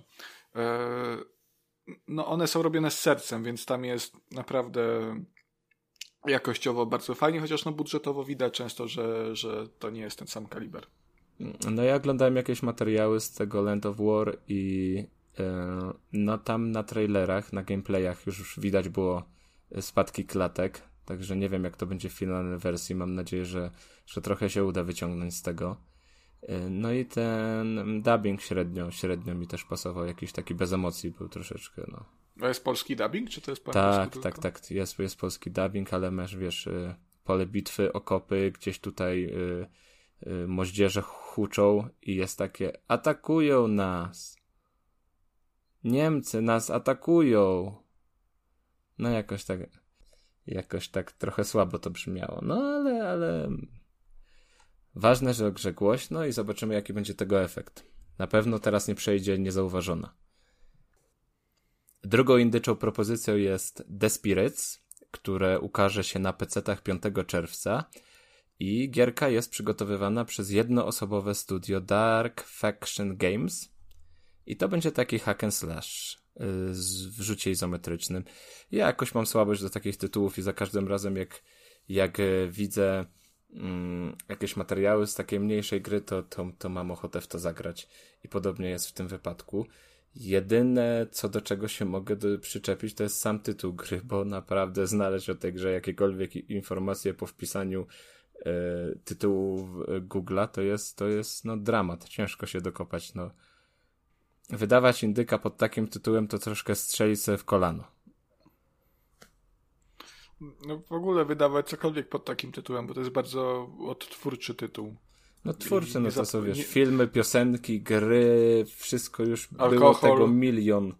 Alkohol, denaturat i tak dalej. No nie ma tutaj, nie, nie ma tutaj co, co za dużo opowiadać, no bo to jest jak y, tylko rzucisz okiem na, na screena, no to wiesz, że tutaj masz do czynienia z hack and slashem, nie wiem, no y, pokroju, pokroju chociażby Diablo. Standardowo, tak? Y, jakieś um, punkty, punkty życia, punkty many, umiejętności i będziesz sobie chodził po świecie i, i ciachał potworki na, na zawołanie hordami, milionami i tak dalej, i tak dalej. Kwestia tego, jak to wyjdzie w praktyce, a o tym się dopiero przekonamy, jak gra zadebiutuje. No, wygląda spoko. Wygląda spoko. W zasadzie, jak, jak, jak słuchajcie tego odcinka, to najprawdopodobniej ten tytuł już zadebiutował. Mm, tak, może tak być. Ale czerwca premiera. Ale na przykład, jak rzucicie sobie okiem na materiały z tej gry, no to też ciężko wierzyć, że to jedna osoba robiła, co nie? ja wiem, to wygląda trochę jak taka gra na Unity. Wiesz co, ale dobrze tak. Nie, no, jak patrzę na te screeny na, na Steamie, to bardzo dobrze ta gra wygląda. Pod względem graficznym mówię, ale rozgrywka też wydaje się całkiem płynna według mnie. Nie wiem, ja uważam, że no na pierwszy rzut oka nie powiedziałbym, że to jest y, dzieło jednej, jednej osoby. Wiesz co, gra wygląda ładnie, tylko jakby brak, brakuje mi w niej takiego, mm, takiej własnej tożsamości trochę, żeby coś ją wyróżniało na tle tych innych gier, bo The Spirit troch, troszkę jak patrzę na te zdjęcia, na, patrzę na ten gameplay, ona wygląda jak każdy inny hack and slash pecetowy tak naprawdę. No, ale czy to źle? No, źle może nie, ale to nie przemawia w ogóle, wiesz, no jakby na, na plus, nie? No bo. Ale tych podstawowych jest... hack and slashów nie ma tak dużo, żeby wiesz, żeby um, ona się gdzieś miała, miała zgubić i po prostu w natłoku. Tych, moim zdaniem, takich klasycznych hack and slashów to ciągle brakuje. Co, co, co ostatnio mieliśmy? Mieliśmy tego trzeciego Torchlighta, który okazał się no po prostu kupą wielką, ogromną. Um, był ten chyba, to się wymawia Wolcen. E, Wolsen by, było coś takiego. Ja, Tak, ja przyznam, tak. ja nie jestem and slashowy w ogóle, więc e, tu, tutaj jakby patrzę z perspektywy laika, no ale zawsze jak patrzę, czy to nawet na samego Torchlighta 3, e, czy na jakieś inne dziwne Diablo, to jak patrzę na te gry, no to e, od razu myślę o nich. Co, tak- coś, coś jest w nich takiego, że je to wyróżnia i utożsamia je z tym tytułem. Natomiast jak patrzę na The, The Spirit, to ta gra mogłaby się w moim odczuciu po prostu nazywać, nie wiem, e, nie wiem, Dungeon and Gravestone albo jakieś lożki i grobki i, i, i też by Nie, było. nie, nie. nie, nie, nie, nie. E, mi się wydaje, że może być. Może być. Ej, Konrad, to jest ten moment, w którym możemy zrobić tak, jak zawsze robią niektórzy ludzie, żeby wkurwić wszystkich słuchaczy, powiedzieć pozdro dla kumatych. Bo tylko my kumamy o co chodzi, nie? A tak to wiesz, każdy się będzie teraz... No o co chodzi, o co chodzi? Każdy będzie przeprowadzał teraz dochodzenie, o co chodzi. Wiesz, to będzie sprawdzane przez miliony naszych słuchaczy i myślę, że mm, ktoś w końcu rozwiąże tę jakże trudną zagadkę. Taka, taka gra powstała, Dungeon and, and Gravestone. Ja pozwolę sobie wytłumaczyć, nie będę hamem. E, Z Katpem razem recenzowaliśmy jakiś czas temu i ona właśnie też ma taki zajebiście od, generyczny tytuł po prostu z, z generatora, no więc jak najbardziej by pasował moim zdaniem do y, graficznego stylu tej gry, ale nie umniejszam, gameplayowo może być, może być fajnym tytułem y, The Spirit. Tylko ma paskudne logo. Logo ma obrzydliwe, to wygląda po prostu jak y, przeglądarkowe gówno. The Spirit? No troszkę, troszkę tak, troszkę tak. W ogóle Tak, tak, to The Spirit ja polecam też sobie przeczytać opis gry na Steam, bo on jest napisany fenomenalnie. To, to dawno czegoś takiego nie widziałem. No. Jest tak po prostu prosto wyłożony, co się dzieje. Tego, tego są trzy, tego są dwa. Jak znajdziecie to, to tego nie będziecie mogli znaleźć, a to jest znaleźć ciężko. I tak jest po prostu. Czytasz ten opis i już masz pojęcie, jak działa, jak działają poszczególne elementy gry. Ale, ale to jest jakiś urok w tym, nie? Że taka, taka bije z tego taka szczera, szczerość tego dewelopera. E, no bo jak czytasz te wszystkie opisy, to, to w zasadzie ciężko czasami coś tam takiego bardziej sensownego, prawdziwego e, wynieść z tego, bo to jest za- zazwyczaj taki marketingowy bełkot i, i zawsze jest tam e, gripping, e, dark, No, fantasy takie pa- story, patetyczne nie? wszystko musi być. Tak, tak, że jest zajebiste, że budzisz się w y, strasznej krainie i, i tam 15 różnych postaci, drzewko rozwoju, najprawdopodobniej e, rozgałęzienia fabularne jakieś takie i to wszystko, jak sobie tak przeczytasz, to możesz to aplikować do większości gier i sam e, opis gry, no nie wyjaśnia ci, czym ona jest, a w tym jest taki urok. No, przychodzi chłop ci mówi, no, próbowałem się skupić na tym, żeby bohaterowie coś tam wyjaśniali tej fabuły, więc jest fajnie. No, Ale to nie jest potrzebne, można sobie przejść bez tego. No, Może wam się Jest będzie podobało, a może wam się nie będzie podobało. No to tak nie Tak. wiem w sumie.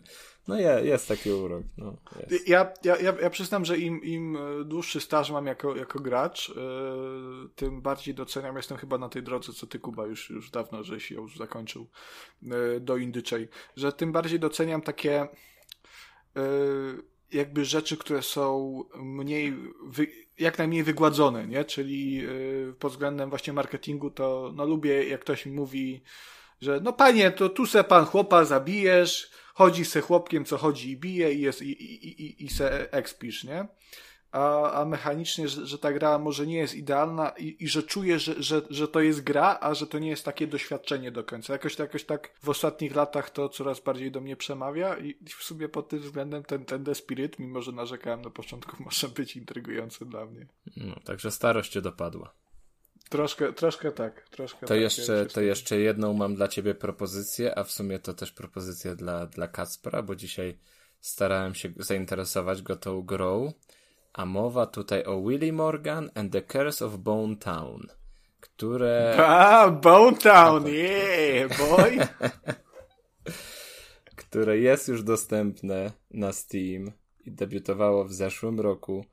E, No, gierka ma trochę recenzji, 153, głównie pozytywnych, 90%. ale 8 czerwca pojawi się na Switchu. Jako, że Kacper nie jest pecetowy, a jest switchowy, no to mu, to mu zaproponowałem ewentualnie y, zmierzenie się z takim tytułem. No i to jest taki point and click klasyczny, w takich klimatach retro. Wcielimy się w, w tytułowego Williego i będziemy starali się rozwiązać tajemnicę, mm, tajemnicę zniknięcia naszego ojca. To nie jest tak, że nas zostawił. Po prostu zniknął tajemniczo. 10 wy, wy, lat. Wyszedł, wyszedł i pewnego wieczora po fajce tak, że, i skończył nie, tak. w Bone Town. po prostu był sławnym archeologiem i 10 lat. Boner Town. 10 lat temu, temu zaginął. A my w przeddzień jego kurczę, i tutaj nie pamiętam, albo urodzin, albo tej, tego mm, rocznicy zaginięcia, otrzymujemy od niego list, w którym mm, nakazuje nam udać się właśnie do tytułowego miasta, nikomu nie ufając i starając się rozwiązać, rozwiązać tajemnicę stojącą za tym zniknięciem. No i jak to w każdym y, point and clicku będą łamigłówki i, i zadania logiczne. Ja przyznam, ja się, ja się boję, jak to będzie działało na tym Switchu. Znaczy mnie bardzo gra zaintrygowała. Fabularnie brzmi to przynajmniej dla mnie bardzo, bardzo ciekawie. E, graficznie też jest całkiem ładne, jak na point Znaczy widzisz, ja, ja, ja z tym graficznym, nie, nie mm, z tą szatą graficzną to mam tak, że czasem mi się bardzo podoba, a czasem to aż mnie odrzuca. I tak, e, takie bardzo mieszane nie, to, mam Tutaj mi się bardzo podoba akurat.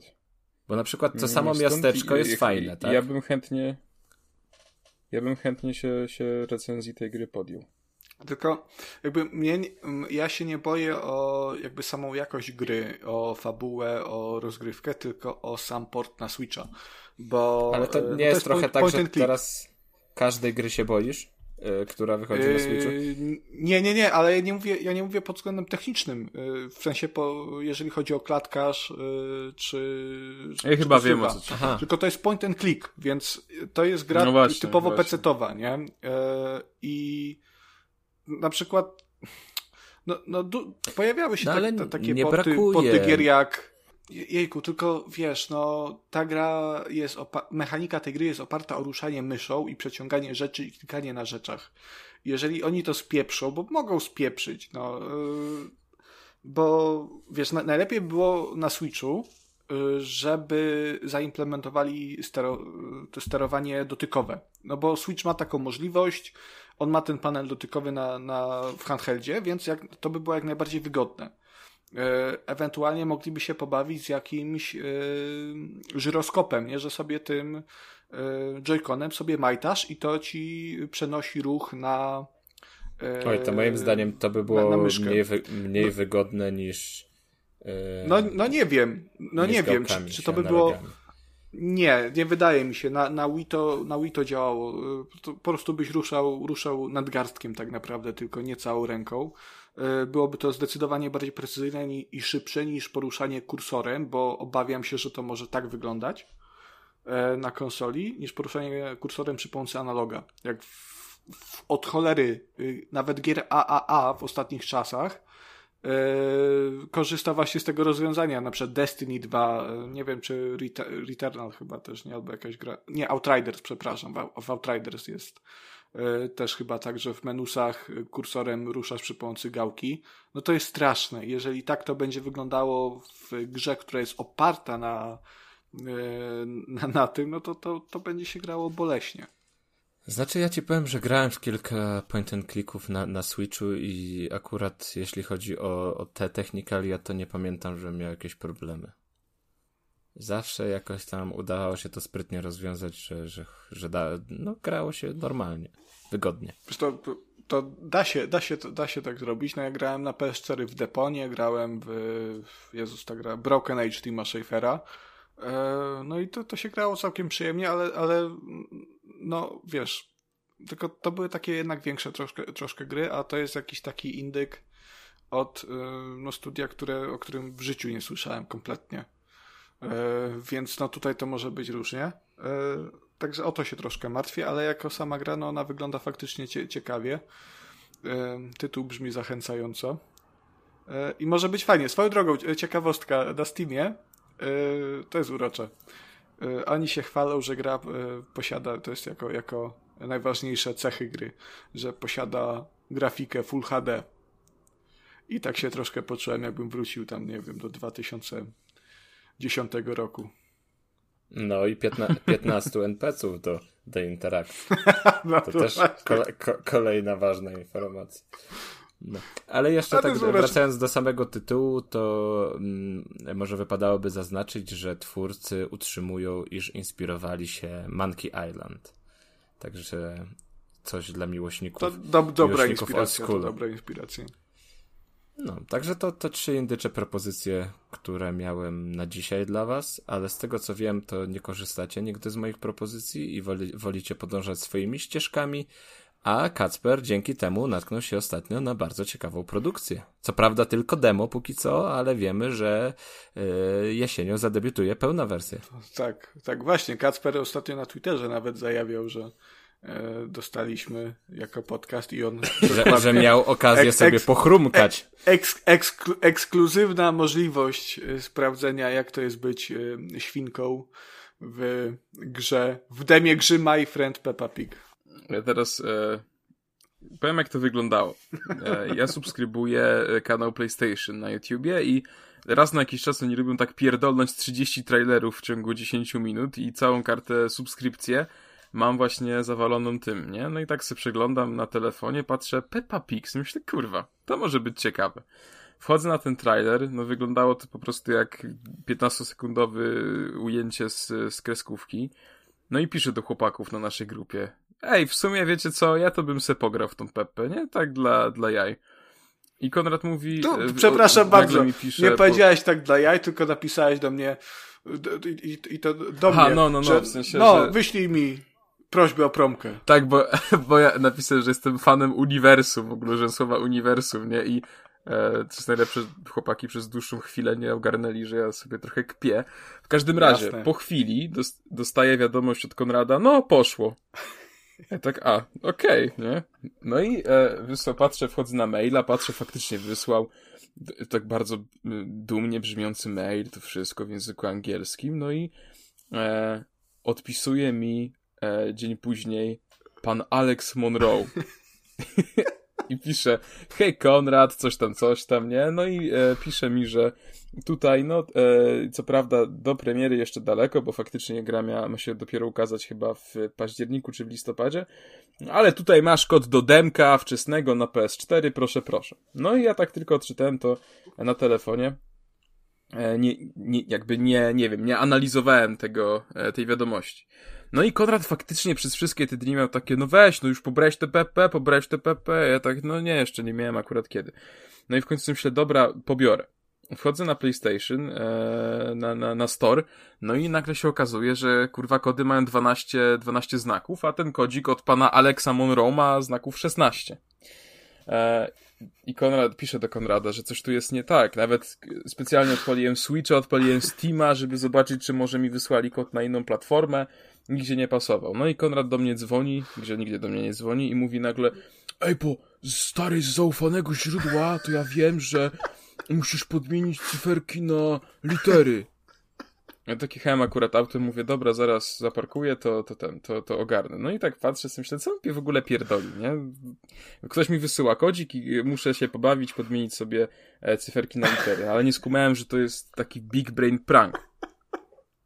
No i Konrad mi potem to wysłał rozszyfrowanie tej zagadki e, i e, nie pamiętam jak to dokładnie było, ten kod.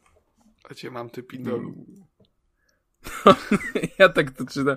Jeszcze e, napisałem do Konrada, mówię, napisz temu Aleksowi, że kod zły dał, nie? I ten napisał właśnie maila i Aleks odpisuje, Jezus, weźcie mu powiedzcie, że przeczytał ten kod, ale tak przeczytał, przeczytał. Kurwa, i to był tak, tak słaby żart, ja byłem tak rozczarowany, a najlepsze jest to w ogóle w tym wszystkim, nie? W tej całej kuriozalnej sytuacji najbardziej mnie bawi to, że deweloperzy tej Pepy mi tego tweeta mojego polubili. O tym, że będę w podcaście mówił o tym demo. Jezus, ja się tak zajarałem w ogóle do, do tego pranka, to kurwa... Eee. Całego maila nowego stworzyłem. I, i, ci, i tak jak, jak pisałem tego maila jako ten Alex Monroe, że tak kombinowałem, jak oni to mogą napisać, bo ta gra kurwa wychodzi w ogóle w sierpniu to chyba wychodzi, czy coś? Nie, to, Nie, w, pa to w październiku. właśnie paździer październik albo listopad. No, no i tak kombinowałem, Boże, jak to uratować. E, I, i, I wtedy, jak do ciebie dzwoniłem, to w ogóle tak miałem ci jeszcze, wiesz, odpisywać, że o, coś tam się pomyliliśmy, nie? I jak, jakiegoś nowego tego zaszyfrowanego CD keya. Bo, bo, to, bo to się bawiłem w, to, w takim względzie, jak kiedyś było e, może nie wiem, Kasper, ty nie pamiętasz, ale, ale kiedyś w czasach hardego piractwa były e, takie, jak, to, jak ktoś prosił o klucz do jakiejś gry, do jakiegoś Securoma czy czegoś, to, to się często takim leadspeakiem wpisywało, wie, że spierdalaj kup oryginała, nie? I to na, na, na tej samej zasadzie, to samo co spierdalaj śledził na naszej klasie świętej pamięci zresztą już niedługo. Więc o to chodziło, już, już kombinowałem jak, jak, tu, jak tu to skrócić, bo do 12 e, cyfr, bo tu w ogóle wyszedł mój e, mój humanizm, bo kurwa specjalnie sprawdziłem ile ma ile ma e, kod gry na PSN-ie i widziałem, że 12, a mimo to stwierdziłem, że no 12 to jest 4 razy 4 najwidoczniej. Więc... Ale tak coś mnie tknęło, żeby, żeby Twittera naszego sprawdzić. Jak zobaczyłem, że ty żeś o tym napisał, też mi się tak kurwa zrobiło. Przykro, bo ja to miałem, ja to miałem do, do dzisiaj ciągnąć, do nagrania. Ale stwierdziłem, nie no, kurwa. Bo ja sobie myślę beka, nie? I napisę na Twitterze, jeszcze przecież z konta podcastu to podałem dalej, kurwa. Jak ja zobaczyłem, że to deweloperzy polubili, ja miałem takie fuck. Zresztą ten tweet wisi do dzisiaj, tak możecie, tak, cię możecie, możecie lajkować. O, a widzisz, mi się jeszcze przypomniało, że ty obiecałeś nam, że ograsz jakąś, że, że ograsz którąś z tych gier. E, The, The Last Order, to chyba to miałeś ograć. Co miał być hashtag, ale hashtag nie, Kasper, gdzie jest Nie screen. dałem, ba, ale nie dałem ramówek Właśnie, zapomniałem o tym. To trzeba wrzucić. No, trzeba, trzeba cię z tego rozliczyć. Na, na, na świnkę Pepe to masz czas, tak? Ale ja autentycznie, bo mówię całkowicie poważnie, żebym chętnie tę grę sprawdził. Ja się naprawdę ucieszyłem, że mi dali to demo. Ja bez kitu, ja sobie myślę dziwne, że dali mi jakieś demo, ale fajnie, nie? Ja chętnie w nie zagram Kasper, przed odcinkiem. Ja ci w październiku napiszę o, o, o tą grę, a jak nie dadzą, to ja ci ją kupię nawet. Nie no, Pe Peppa, Peppa to duża marka, tutaj nie ma szans. Uniwersum. To jest uniwersum. PCU, tak? Peppa Cinematic Universe.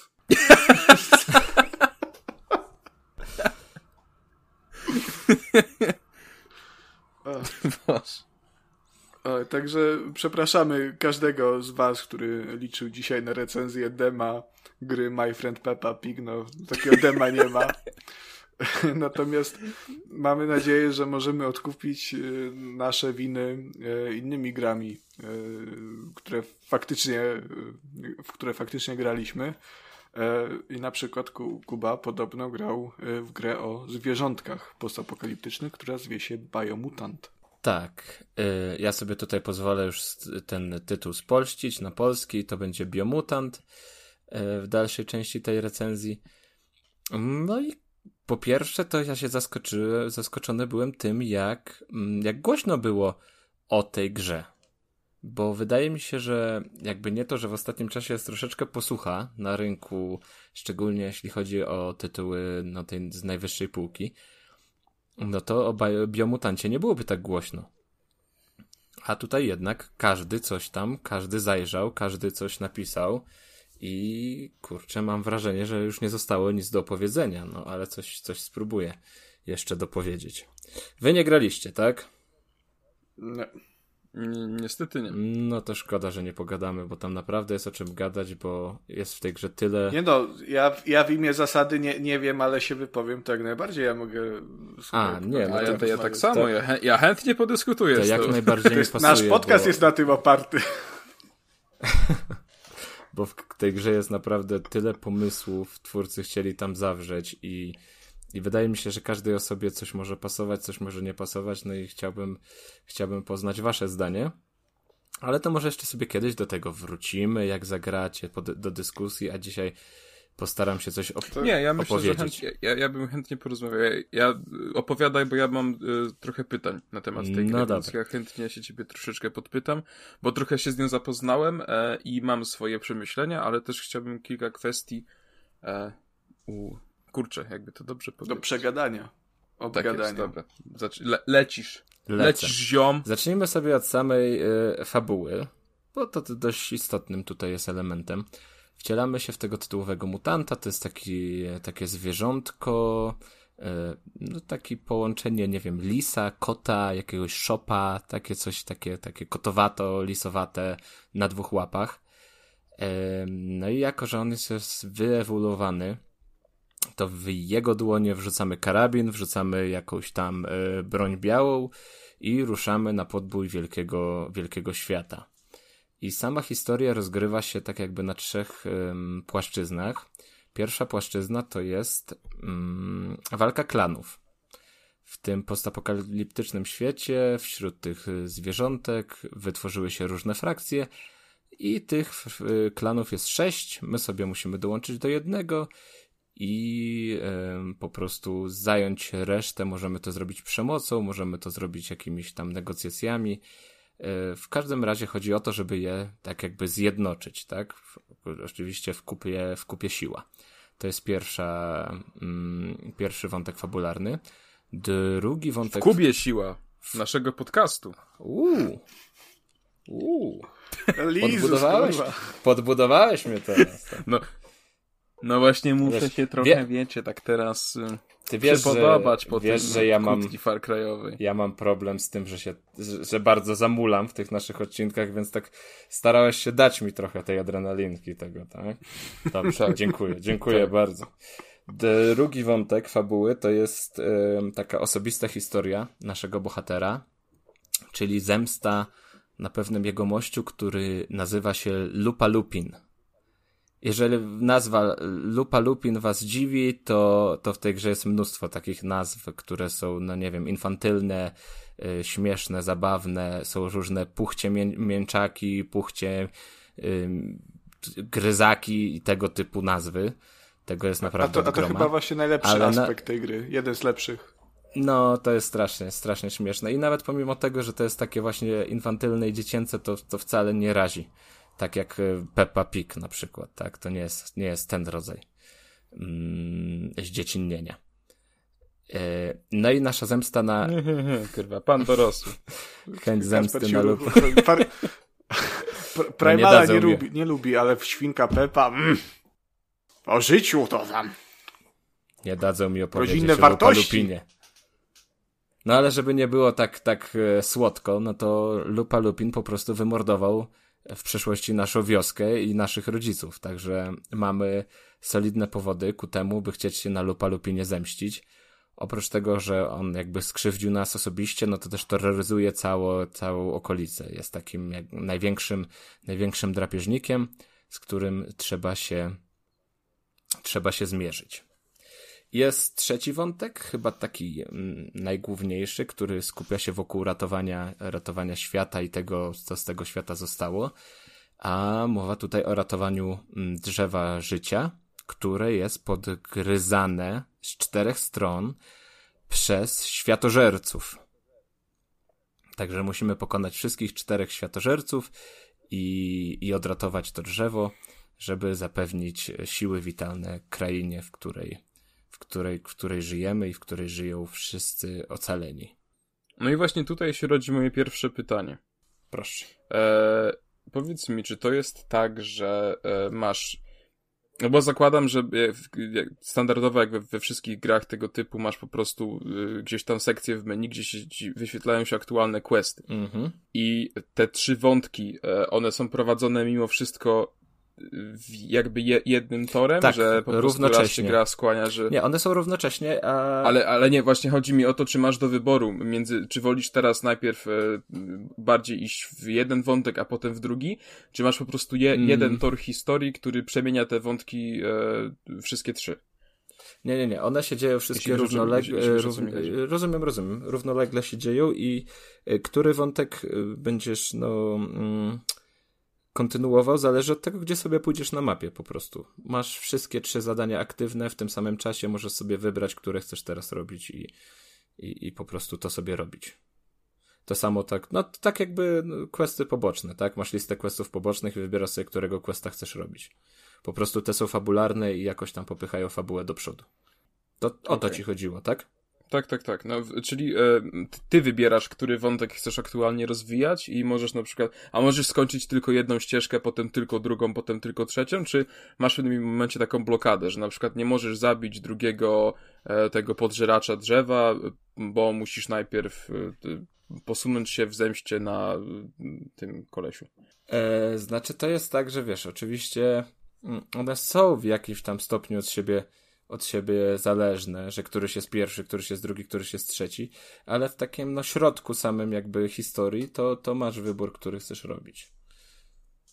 Oczywiście te, okay, ten, okay. ten z, mm, z pokonaniem tych czterech światożerców, no to jest taki jakby, jakby najgłówniejszy i, i y, też nie chcę, nie chcę tutaj oszukiwać, bo to może w zależności od tego, jak się po prostu gra, ale mi tak jakoś wypadł ten, ten quest na koniec i to się ładnie zamknęło po prostu z całością fabuły i, i ze wszystkim. Także wydaje mi się, że to ten jest tym, tym głównym zadaniem. Ale ogólnie uważasz, że to jest dobry pomysł e, na rozdzielenie głównego wątku na trzy wątki? Ale ja bym nie powiedział, że to jest jakiś taki spektakularny, innowacyjny pomysł, że to coś, czego do tej pory nie było, bo, bo to naprawdę nie sprawia takiego wrażenia. To nie są aż tak no ten wątek z podbijaniem tych plemion, tych klanów, no to to równie dobrze by można mm, wcisnąć jako, jako jakieś zadanie poboczne. Tak, bo to nie jest, to nie jest y, niczym, niczym jakoś super oryginalne, ani niczym umotywowane. Y, pod koniec fabuły nie chcę za dużo zdradzać, ale ma to swoje zastosowanie, y, ale równie dobrze można by to wcisnąć jako, jako zadanie poboczne. Ten z osobistą zemstą, no to też jest taki, że w sumie można by to zamknąć w jednego questa, tak? Bo to wchodzi tylko o pokonanie, pokonanie jednego przeciwnika. Także ciągle tym główno, główną linią fabularną zostaje ratowanie tego drzewa życia. Okay. Ale to się troszkę wpisuje w sam w charakterystykę gry, bo ta gra oparta jest na eksploracji. I to jest najmocniejszy element, to jest główny element tej gry i w sumie element, który najlepiej wyszedł bo świat y, biomutanta y, eksploruje się naprawdę fajnie. To no łatwo się zgubić w tym świecie, bo jest tyle rzeczy do robienia, że sobie nawet po drodze do głównego questa nie jesteś w stanie tak sobie iść w linii prostej, bo to cię coś rozproszy tutaj, to cię rozproszy coś tam, tam sobie zajrzysz, tam sobie coś zbierzesz i to jest naprawdę naprawdę mm, ciekawie zrealizowane i sam wielokrotnie naciąłem się na to, że, że więcej czasu spędzałem eksplorując niż wykonując zadania. Także ten element twórcom naprawdę wyszedł, ale mm, za tym nie poszedł niestety system, system walki, bo wiadomo, że jak się eksploruje, no to tam się natrafi na przeciwnika, tam gdzieś jest jakiś boss, no i niestety system walki tutaj który był tak hucznie zapowiadany, nie sprostał oczekiwaniom, wydaje mi się.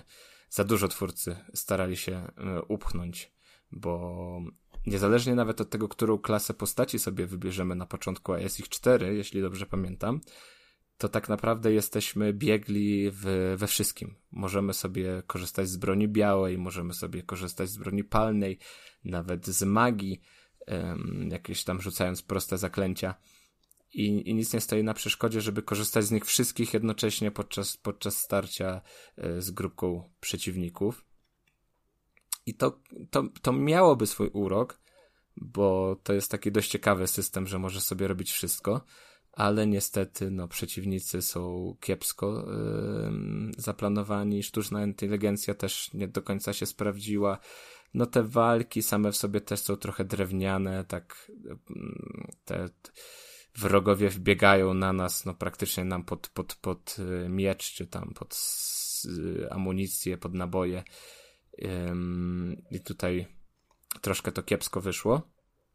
I ja też miałem tak, że nie czułem potrzeby, żeby korzystać z wszystkich dobrodziejstw tego systemu, pomimo tego, że grałem na, na normalnym poziomie trudności i tutaj w ogóle jeżeli kiedykolwiek będziecie zaczynali swoją przygodę z biomutantem, to zaczynajcie od razu na hardzie, bo no, jeżeli liczycie na jakiekolwiek wyzwanie w tej grze, to to jest jedyna, jedyna droga.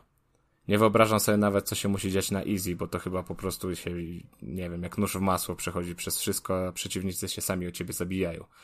Także od razu zaczynajcie na hardzie. Chyba, że w międzyczasie coś zmienią paczami, także najwyżej się troszeczkę dłużej pomęczycie po prostu. Ale wydaje mi się, że, że odbiór gry będzie dużo lepszy, jeżeli sami sobie troszeczkę rzucicie wyzwanie, bo w moim mm, przypadku wyglądało to tak, że stworzyłem sobie jakąś fajną broń palną i w sumie to wystarczyło po prostu klikać, a kolejne, kolejni przeciwnicy padali, padali jak muchy. Odnośnie systemu walki, jakieś pytania, jakieś przemyślenia, Kacper?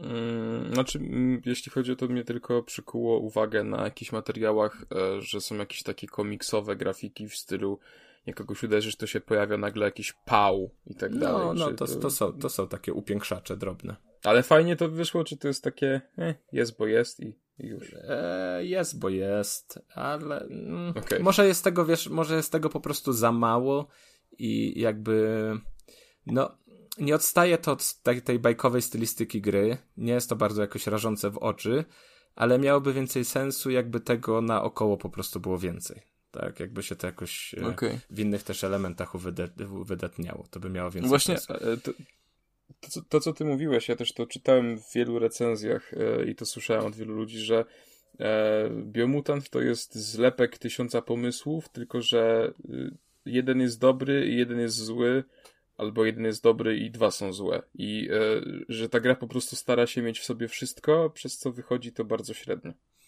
No, tak, tak jest i, i o tym też wspominałem w swojej pisanej recenzji, którą znajdziecie na, na gamerweb.pl.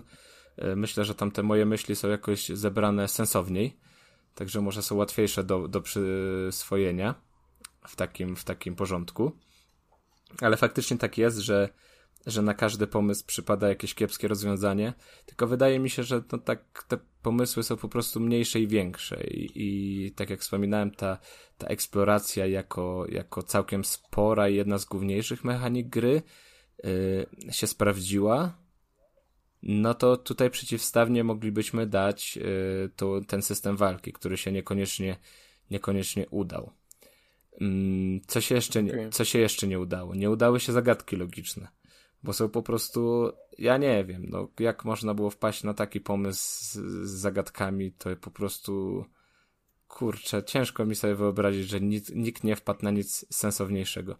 One są, e, jakby oprawa tych zagadek jest fajna, bo najczęściej jest to jakiś element z tak zwanego dawnoświata, czyli z tego świata przed kataklizmem i to na przykład będzie jakaś, nie wiem, znaleziona gitara, komputer stary, no coś, coś tak, taki element, o którym te zwierzątka żyjące obecnie na planecie nie wiedzą, ale był dość popularną rzeczą w przeszłości. I tak jak sobie na przykład znajdziemy tak gitarę, to musimy ją dostroić. No i można by zrobić fajną gierkę na dostrojenie gitary, a oni po prostu zrobili dopasowanie do siebie dwóch kolorów. Dajmy na to, żeby to zobrazować powiedzmy sobie, że są trzy, trzy przyciski, tak? I każdy przycisk ma dwa kolory. Biały i żółty. I te przyciski są w linii prostej i one muszą się zgadzać kolorystycznie, że żółty dotyka się do żółtego, biały do białego i to jest tyle. I taką zagadkę, taką zagadkę logiczną czasami przypadkowo można jednym kliknięciem po prostu y, rozwiązać bo one się generują chyba losowo i czasami po prostu wystarczy raz wcisnąć przycisk i już jest zagadka, zagadka rozwiązana nawet bez żadnego tam myślenia. No to to jest kolejne słabe rozwiązanie, ale tak jak wspominałem, te wszystkie przedmioty y, z dawno świata, z tej, z tej straconej cywilizacji, no to one są y, świetnie zrobione i, i nawet jak ten przez wielu uważany za nieszczęsnego narrator nam o tym opowiada, to, to przyjemnie się tego słucha i przyjemnie się to odkrywa. Nawet pomimo tego, że przecież my wiemy, co to jest gitara, tak? ale w sposób, w jaki jest nam to tłumaczone, czym jest gitara, czym jest telewizor, czym jest gramofon, jest zrobione na tyle fajnie, że chce się, chce się tego słuchać i chce się odkrywać, mm, co tam jeszcze przygotowali twórcy. A to mi strasznie przypomina Horizona właśnie. Yy, tak jak, jak się słucham, to nie mogę się pozbyć skojarzeń właśnie z Horizonem, bo tam też były te motywy, że no była ta stracona cywilizacja, bo jednak Horizon Zero Dawn to jest gra postapokaliptyczna, jakby nie patrzeć. I też tam się znajdowało jak właśnie przedmioty, które ci ludzie żyjący współcześnie względem fabuły Horizona E, no, nie znali ich i nadawali im jakieś swoje nazwy, jakieś swoje znaczenie, próbowali rozgryźć, do czego to mogło kiedyś służyć. E, no i właśnie taki, taki troszkę vibe tego Horizona odczuwam, aczkolwiek e, wydaje mi się, że w Biomutancie jest to, jest to zdecydowanie lepiej napisane że, że ma... Znaczy na pewno bardziej karykaturalne, przez co wydaje mi się, że tu jest troszeczkę większe pole no, do popisu. No tak, no bo masz zwierzątka też, nie? I, i pieski, kotki, yy, rakuny. Tak, także no to jest, z tego wynika ta infantylność, o której Kuba wspominał, ale, ale no i przyznam, że to jest chyba rzecz, która najbardziej mnie do tej gry przyciąga. Nie gameplay, nie fabuła, ale, ale właśnie to polskie tłumaczenie i y, no, ten scenariusz, y, rozpisanie tego, te, tej historii tego dawno świata. No właśnie ten jeszcze, to polskie tłumaczenie, to, to nawet zaryzykowałbym stwierdzenie, że to nie jest tłumaczenie, tylko ta gra czasami mm, czasami tak jakby po prostu była od początku do końca napisana po, po polsku. Takie sprawia wrażenie.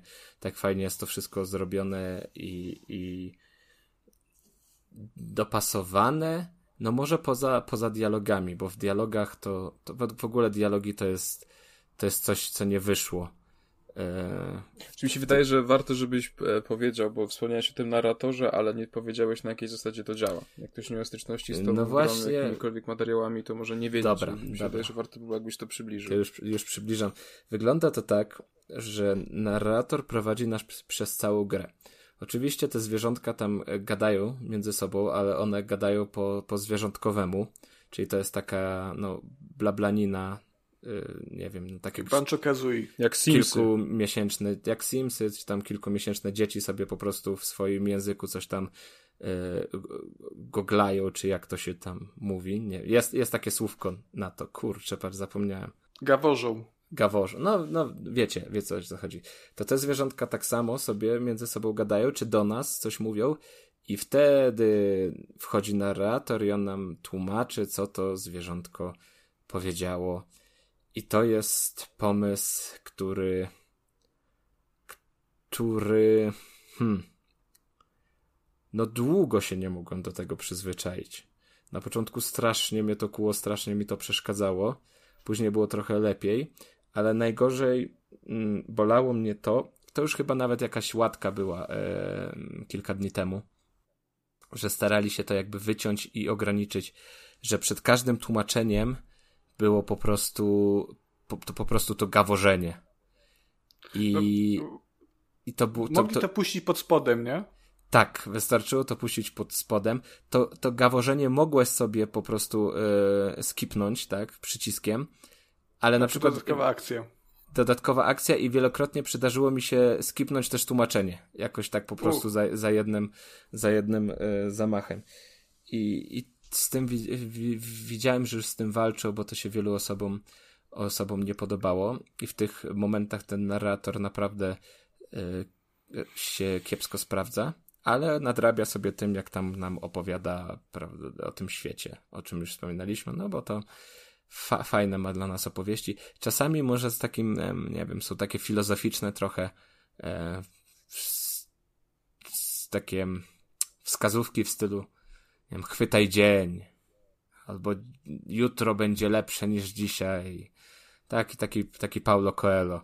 Trochę czasem się mu załącza, co, co, jest, co przeszkadza ale jest tego na tyle dużo, że mm, nawet pomimo tego, że po jakimś czasie zaczyna się, zaczynają się te rzeczy powtarzać, to i tak y, nie za bardzo to, to gryzie, to gryzie w uszy.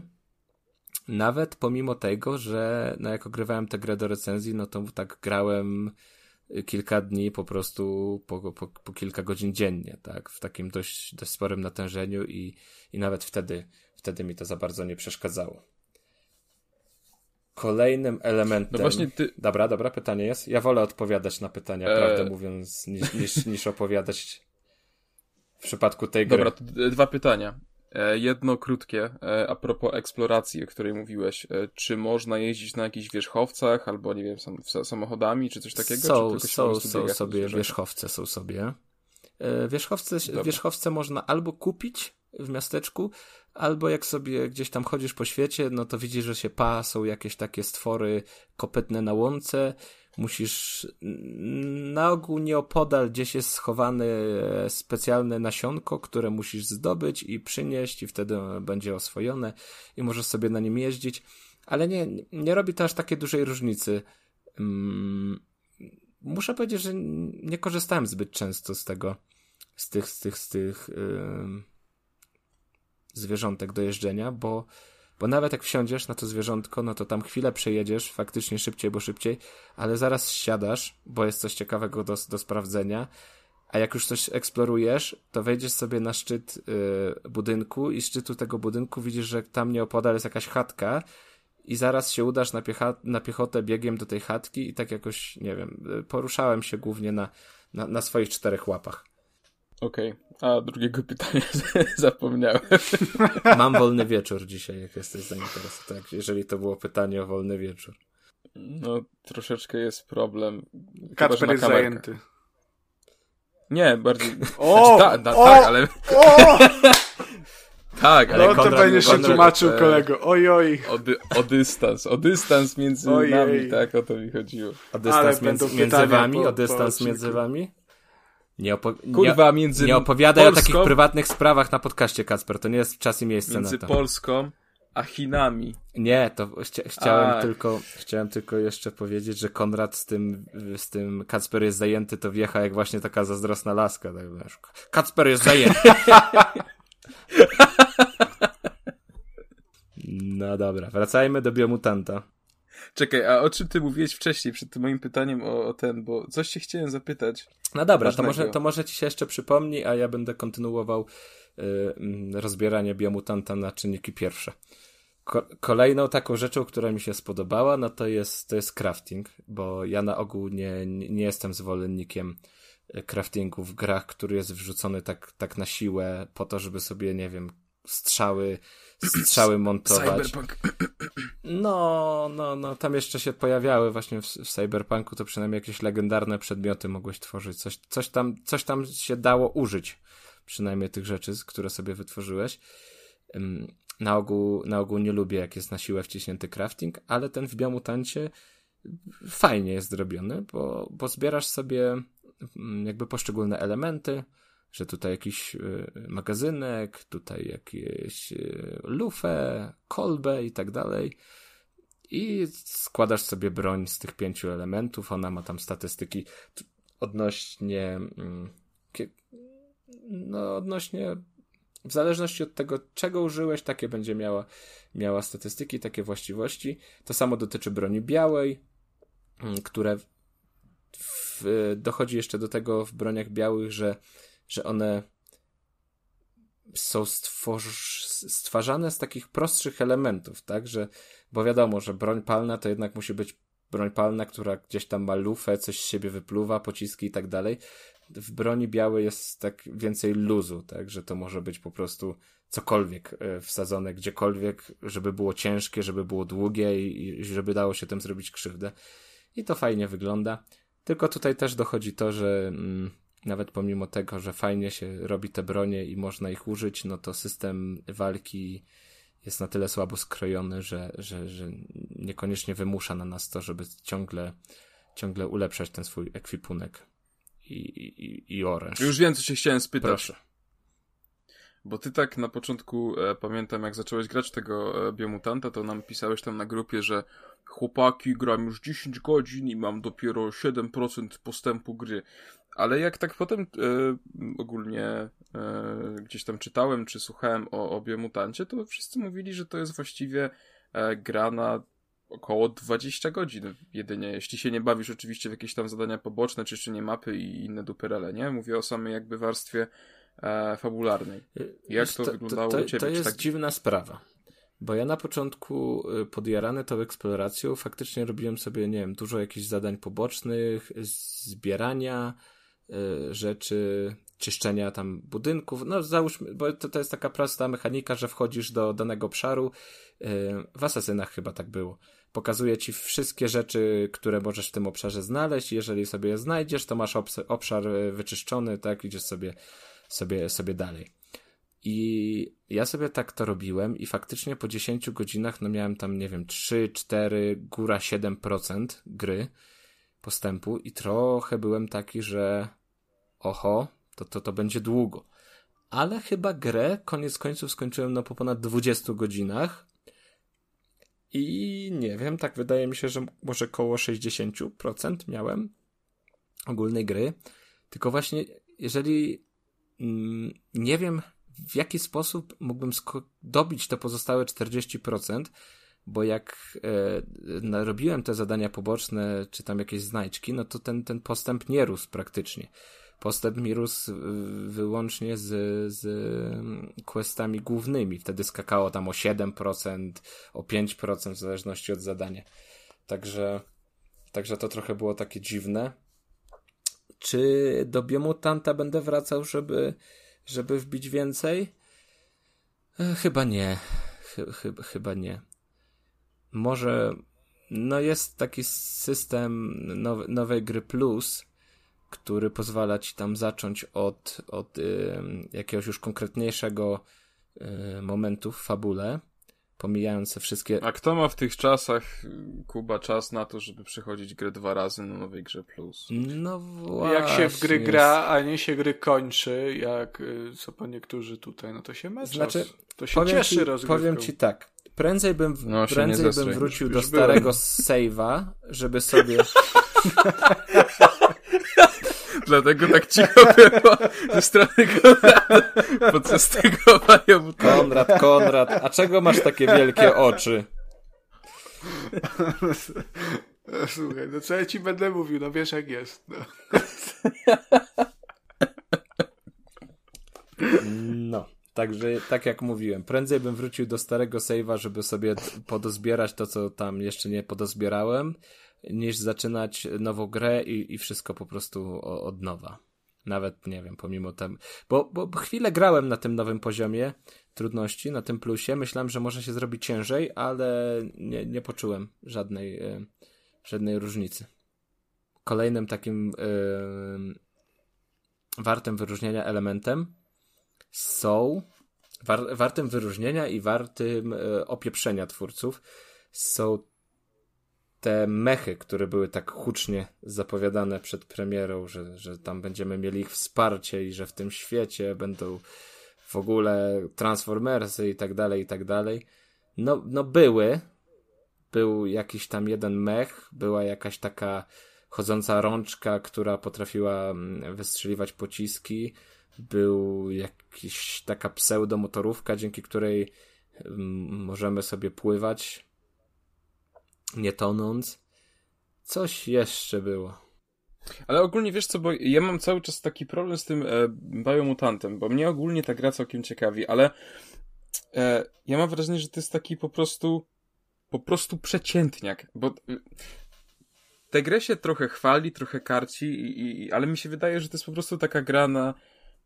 Ona jest fajna, miło ci się w nią gra, e, zabawić się przez tydzień, po czym przejdziesz ją, to wyjebiesz z dysku i do niej nigdy nie wrócisz. Ale... Przynajmniej ja, ja, nie wiem, no mówię, nie grałem, ja mam takie wrażenie, czy tak faktycznie jest? Ale ty jest... właśnie, Kasper, tak masz, że coś, ty się zabawisz czymś przez tydzień, a później wyjebiesz, no to, to co ja mogę, to trzeba szanować rzeczy, trzeba doceniać, wiesz, to są, sentymenty to mieć. Ludzi. E... Kurwa. Nie, no jest przeciętniak. No jest przeciętniak, ale... Ja A. się będę kłócił o to przeciętniaka i o definicję przeciętniaka, bo jednak przeciętniak to jest gra, nie, która no, nie wyróżnia wiem o co ci chodzi. A, a jak, jak patrzę na Siódemka nie jest przeciętniakiem. tak. No, ja też jestem, też jestem tego zdania. Ale... ale teraz po prostu wydaje mi się, że jest e, skala tak naprawdę trzy, trzyocenowa. Jest e, gra Gówno, do dupy, średniak. jest przeciętniak i jest e, rewelacja AAA. Także to, to nie jest gra, to jest gra, której warto dać szansę. Szczególnie jeżeli lubisz eksplorację, bo jak lubisz eksplorację, to się tam będziesz, to, to, to się tam odnajdziesz. A jeżeli cię eksploracja taka natrętna, takie, że dużo tego jest, wkurza, no to, to nie jest gra dla ciebie. A wydaje mi się, że no każdy współczesny gracz jest na tyle świadomy swoich preferencji, że, że po zapoznaniu się z recenzjami jest w stanie zdecydować, czy to jest gra dla niego, czy nie. No. Kacper, czy, Czyli, czy ty e, jesteś ja, fanem, jak ja wys... fanem eksploracji? Jak ja wysnułem wnioski, ja, ja lubię eksplorować. Jeśli gra ma fajną eksplorację, to jak najbardziej ja kocham lizać ściany ogólnie, o ile to jest fajnie zrobione. Ale jakie wysnułem wnioski z tej naszej dyskusji o recenzji e, Biomutanta? Warto, ale za niższą cenę niż premierową. No, ale ja ci, ja, ja ci powiem ja tak to... Mm, do każdej gry ci to powiem. obecnie jesteśmy tak zalewani grami, że na każdą sobie możesz spokojnie poczekać, aż spadnie cena. Po prostu cierpliwie nie pali się. Mi się wydaje, że w przypadku też e, e, Biomutanta, czy Biomutanta, już sam nie wiem jak mówić, e, problem był z oczekiwaniami. Raz, że e, faktycznie, w sensie oni zapowiadali, że to będzie w ogóle jakaś przełomowa gra i tak dalej. E, przynajmniej ja tak odbierałem te ich wszystkie zapowiedzi, trailery i tak dalej ale też mi się wydaje, że troszeczkę popsuł cały klimat y, też to przekładanie wieczne premiery. To jest to, na co chorował Cyberpunk i na co teraz choruje też Dying Light 2. E, I po prostu ludzie już, ja pamiętam przecież rok temu, ja tym Biomutantem się bardzo ekscytowałem, ale już tyle po prostu było tych obsów, że ja przed premierą y, już tą finalną miałem takie meh, no wyjdzie i, i, i, już, nie? Ale to mogło wyjść na dobre, a mogło wyjść na złe, bo teraz jak po prostu nie miałeś oczekiwań za dużych i, i dostałeś e, przyzwoitą grę, no to po prostu nazwiesz ją przeciętniakiem, tak jak użyłeś tego słowa wcześniej.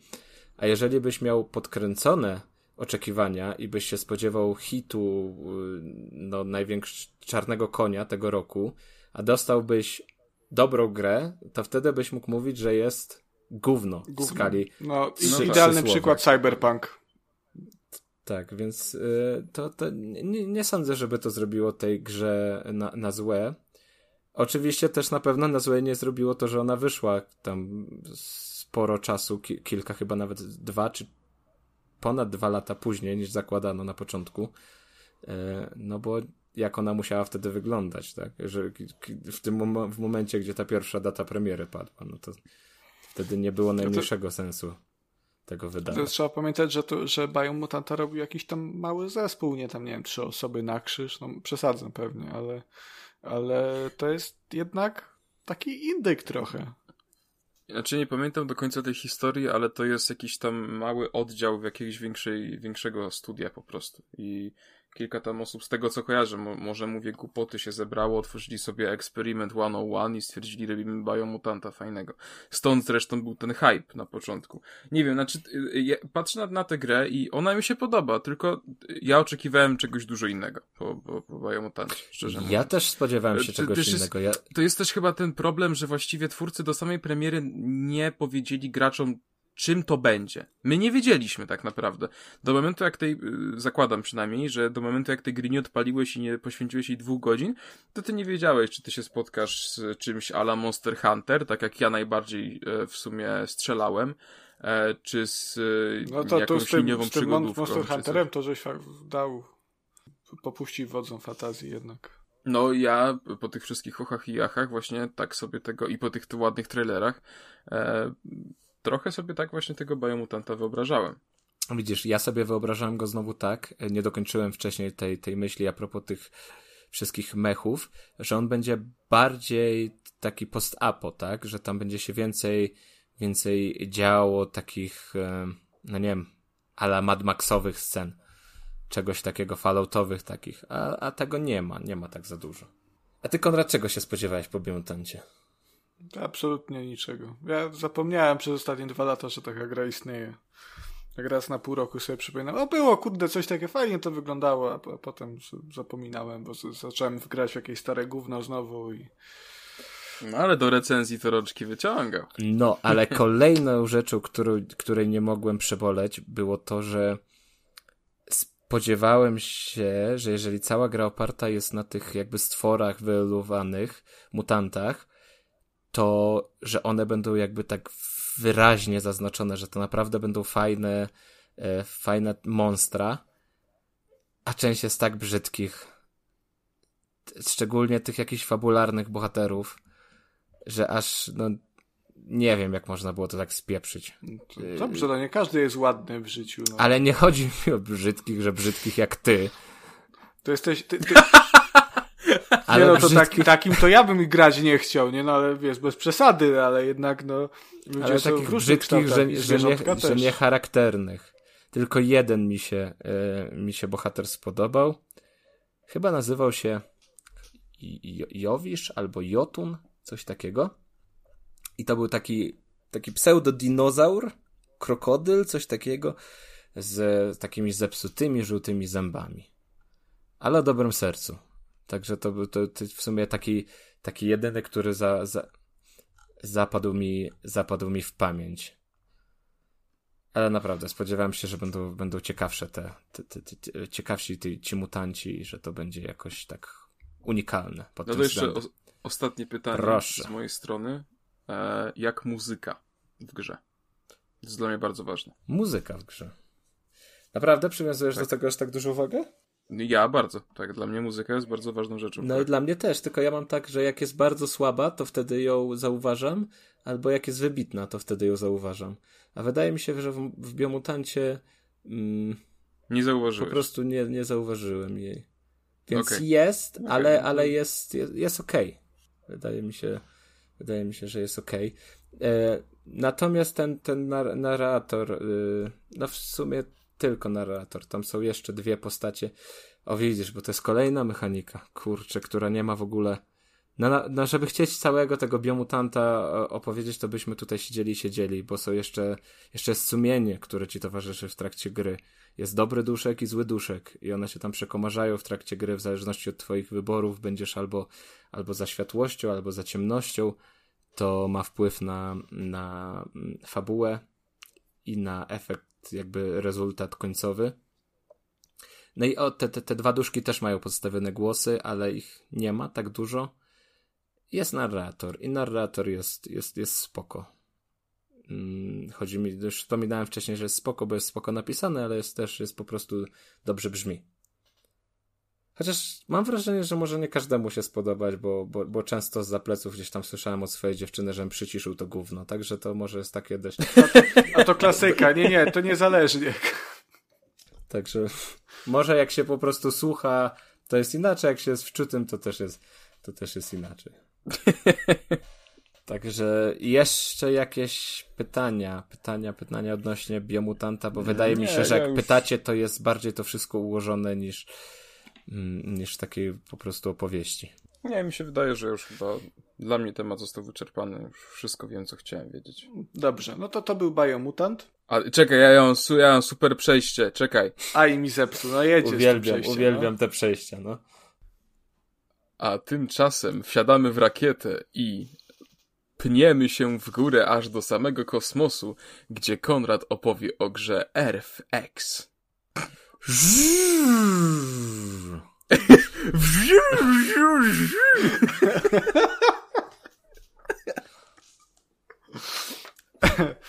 Ojej, no to żeśmy się wzbili teraz na faktycznie na wyżyny y, przejść. Y, Humoru? Humoru, to, ja, to jest po prostu, żeśmy tu szczytowali tak naprawdę. Na orbitę żeśmy się okołoziemską wzbili. Eee, I faktycznie Kasper pozostał w temacie, ponieważ F, Jezus, zaraz będę się bawił z tym. FX, e, sobie po, pozwolę tak po polsku powiedzieć, e, którego, do, do którego kody dostaliśmy ponownie e, od Adriana. E, mam wrażenie, że ostatnio od kilku odcinków, jeżeli ja coś recenzuję, to e, właśnie tymi słowami rozpoczynam recenzję.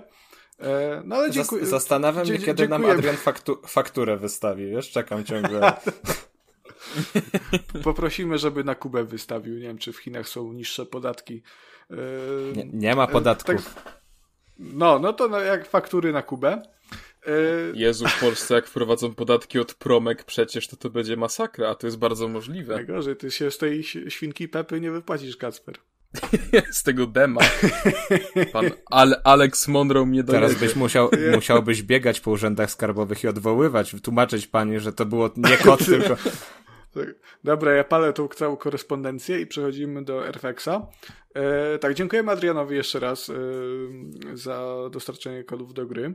E, Airfax to jest, e, w sumie to jest, to jest gra poniekąd bardzo podobna do Dev Life, którego recenzowałem w zeszłym odcinku. Ona też wydaje mi się hula na tym samym silniku. E, to jest tytuł stworzony przez, jak mi się wydaje, e, dwie osoby i to jest Siergiej i to jest y, Denis. Y, to, I tak, to no sobie po, po... wytniesz. Czemu? A ja sobie wyobraziłem taką scenę, jak tam gdzieś jesteśmy, nie wiem, w jakimś, w jakiejś przy, przy, przydrożnie, przydrożnym zajeździe i wchodzę się z tobą, witam, ty jad, jesz obiad i mi mówisz, to jest Siergiej. No, y w każdym razie Airfexa stworzyli Denis i Siergiej, wydaje mi się, że, że w dwójkę. I to jest strategia ekonomiczna, e, która jest bardzo mocna, jak możecie się spodziewać, e, zainspirowana SpaceXem e, Elona Muska, co oznacza mniej więcej tyle, że naszym celem w grze jest wzbicie się na orbitę okołoziemską, a nawet jeszcze dalej zasiedlenie Marsa, bo obecnie w, te, w tej fazie gry, która jest y, dostępna na Steamie, to jest y, terraformacja Marsa i, i zasiedlenie go to jest jakby finalny cel, ale y, według twórców tam ma się mm, jeszcze więcej planet pojawić. I cóż, no, no tak jak mówiłem, tytuł to jest y, w zasadzie mm, dość, dość taka podstawowa strategia ekonomiczna, w której y, zakładamy własną firmę, zaczynamy produkcję rakiet i powoli te rakiety wypuszczamy w powietrze, akceptując jakieś tam kontrakty, żeby wysłać powiedzmy mm, no, satelitę jakąś na orbitę, jaka, jakaś firma nam, nam to zleca My wysyłamy, tworzymy rakietę, wysyłamy tą satelitę i tak sobie zdobywamy powoli pieniążki. E, I początki są bardzo powolne, bo to jest wszystko, no trzeba wyklikać, trzeba postawić każdą fabrykę, e, trzeba każdą rakietę stworzyć, przetestować, wystrzelić. No oczywiście rakieta może się wywalić i wybuchnąć, ale ale z każdym kolejnym startem jest nam trochę łatwiej i ta szansa, że rakieta wybuchnie jest mniejsza, bo zdobywamy w ten sposób doświadczenie. E, I tak sobie ciłamy przez całą grę, zdobywamy możliwość zbudowania coraz to większych e, rakiet, e, coraz to lepszych technologii. I w zasadzie, poza tym, że to jest gra inspirowana SpaceXem, tutaj się pojawia bardzo dużo takich motywów związanych z Elonem Muskiem. Jest na przykład Cybertruck Tesla, jest taka technologia jak LinkLink, e, który parodiuje w pewien sposób Starlinka, e, czyli ten, tą, tą sieć internetu satelitarnego od Ilona Maska, e, który tutaj odgrywa bardzo ważną rolę. No i koniec. No, są też takie akcje, jak, jak na przykład sprzedaż miotaczy ognia, które są nazwane nie miotacz ognia, bo nikt nie chciał się zgodzić na sprzedaż czegoś z miotaczem ognia w nazwie. E, także jeżeli ktoś bardzo lubi Ilona Maska i jego mm, przedsięwzięcia, no to to jest gra zdecydowanie dla niego.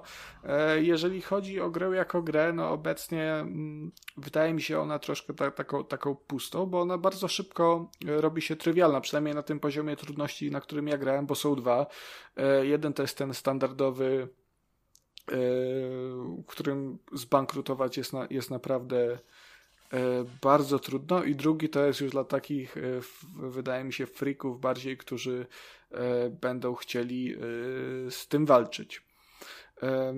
I tak, tak jak mówiłem, na, na początku gra się toczy dość powoli, trzeba wszystko wyklikać, ale bardzo szybko, z kolejnymi ulepszeniami, z kolejnymi menadżerami, których możemy też zatrudniać po odblokowaniu jakichś tam jakichś tam osiągnięć w fabule. Oni, oni nam później pomagają, mogą nam zautomatyzować na przykład wytwarzanie rakiet czy ich wystrzeliwanie, więc w pewnym momencie e, gra zamienia się tak naprawdę mm, w takie czekanie na przyspieszonym czasie, aż wszystkie te rakiety e, wystrzelą, aż tam się wytworzą Starlinki i w zasadzie siedzimy i patrzymy, aż, e, aż jak pieniążki nam na koncie przybywają. I wszystko to zmienia się, kiedy wyruszymy na Marsa, bo to, tu się w zasadzie zaczyna najciekawsza e, część gry. E, ponieważ tego Marsa trzeba stereformować. Tam na początku nic nie ma, e, więc nie możemy sobie wysłać po prostu ludzi, bo oni tam zwyczajnie w świecie umrą. Nie ma tlenu, nie ma. Ludzie, tu nikogo nie ma. Tak, dokładnie, jak w Częstochowie. Stanowski!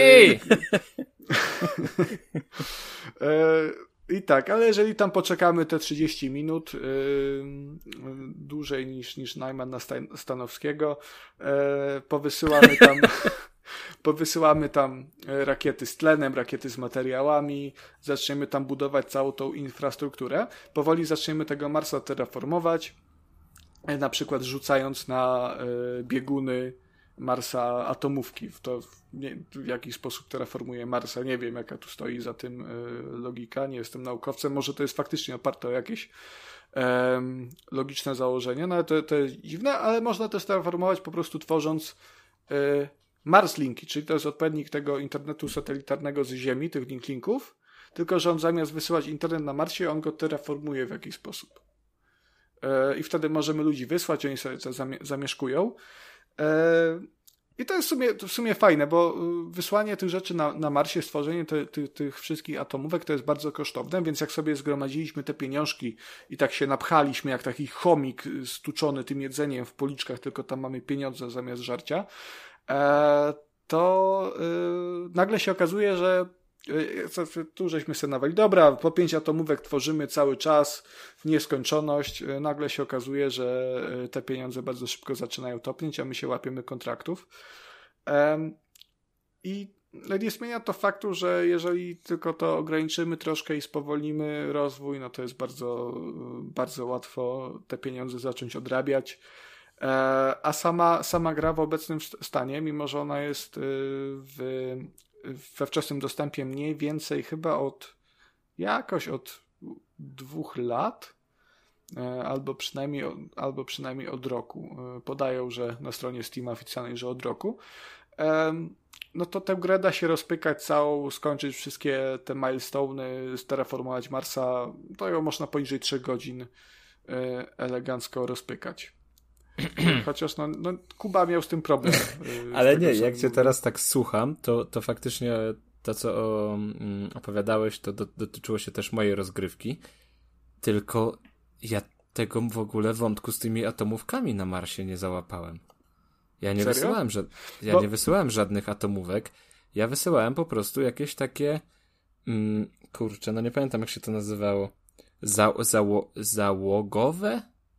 Yy taką największą rakietę, że musisz wziąć tą statki, statki, statki kosmiczne, coś takiego, coś takiego wysyłałem. No i na początku tam sobie wysłałem troszkę jakichś zasobów do budowania, to sobie coś wybudowałem, później jakiś tlen, to sobie coś tam wytworzyłem wodę i tak dalej, ale, ale co te atomówki do, dokładnie robiły? E, atomówki robią to, że e, no wysyłasz je, one sobie tam lecą jakieś, jakieś 3 lata i jak już dotrą, no właśnie też się zastanawiałem, czy to możesz po prostu, wiesz, w różne miejsca na, na Marsie y, powysyłać te atomówki, ale to w zasadzie się ogranicza do tego, że ci się pojawia tam y, przy te, w, w menusie tam u dołu ekranu takie y, taka informacja, masz 10 atomówek, detonuj, nie? Wciskasz, detonują się, procent reformacji wzrasta, więc to jest taka no, mechanika bardzo uproszczona. E, z tymi atomówkami też jest po prostu tak, że e, tak samo jak, jak z ludźmi i z większością tych rzeczy, które możesz na Marsa wysyłać, że w momencie, kiedy osiągasz możliwość wylotu na Marsa, nie, nie masz jeszcze odblokowanych wszystkich rzeczy, które, które możesz tam wysłać. Więc to musisz sobie na to zapracować, podblokowywać e, po prostu kolejne rzeczy w drzewku rozwoju, które no to, to się odblokowuje tak naprawdę po prostu grając, wysyłając y, kolejne rakiety, y, lądując na Marsie, to tak dość organicznie się to odblokowuje. No, tam w stylu 5 razy wystartuj, 5 razy wyląduj, 7 Tak, razy tak, tak, ul, tak. tam. Mhm. No. Ale właśnie to, że ja, że ja z tych atomówek w ogóle nie załapałem, o co chodzi, że tam jest w ogóle taki motyw z tymi atomówkami, to jest dobry punkt zaczepienia do tego, że samouczek w tej grze jest tragiczny. I pierwszy kontakt, pierwsze kilka minut z tą grą, to, je, to dla mnie to był taki trochę no mały szok. Bo. To ja miałem, ja miałem przyznam, y, flashbacki z Delta V po prostu, jak, jak odpaliłem tę grę, bo tak stwierdziłem, że sobie odpalę na, na pół godzinki sobie zobaczę tam, nie wiem, rakietę wyślę. I ja przez te pół godziny po prostu słuchałem y, tego tutoriala i tak w sumie po nim y, nie wiedziałem, wiedziałem mniej i bardziej bałem się tej gry, niż zanim go odpaliłem. Ta sympatyczna Ja pani byłem jest... jak takie dziecko we mgle. I bardzo się zdziwiłem, że tak szybko da się tę grę ukończyć, bo spodziewałem się sieczki na 20 godzin co najmniej. No, no właśnie, ona, ta, ta gra nie jest skończona, nie? Ale z takich rzeczy, które, które trzeba zmienić, no to y, tutorial jest y, do wymiany całkowicie. Y, już, już pomijam tę kwestię, że on jest y, zrobiony w takiej no, najgorszej możliwej formie, czyli w zasadzie słuchasz po kolei, jak ci pani mówi, y, co się w tej grze robi. No właśnie, ale to, to nie jest tak, że sobie robisz i ona ci wtedy mówi, tylko ona ci od razu mówi wszystko, Tak, co sobie możesz Tak. w tej grze zrobić, tak? Ka- każdą zakładkę ci omawia, a nawet nie da ci kliknąć w tą zakładkę, żeby sobie sprawdzić, co jest w tej zakładce. To, Dodatkowym problemem tego samouczka jest to, że ta gra jest teoretycznie po polsku i w większości te napisy są po polsku, chociaż zdarzają się nieprzetłumaczone yy, teksty.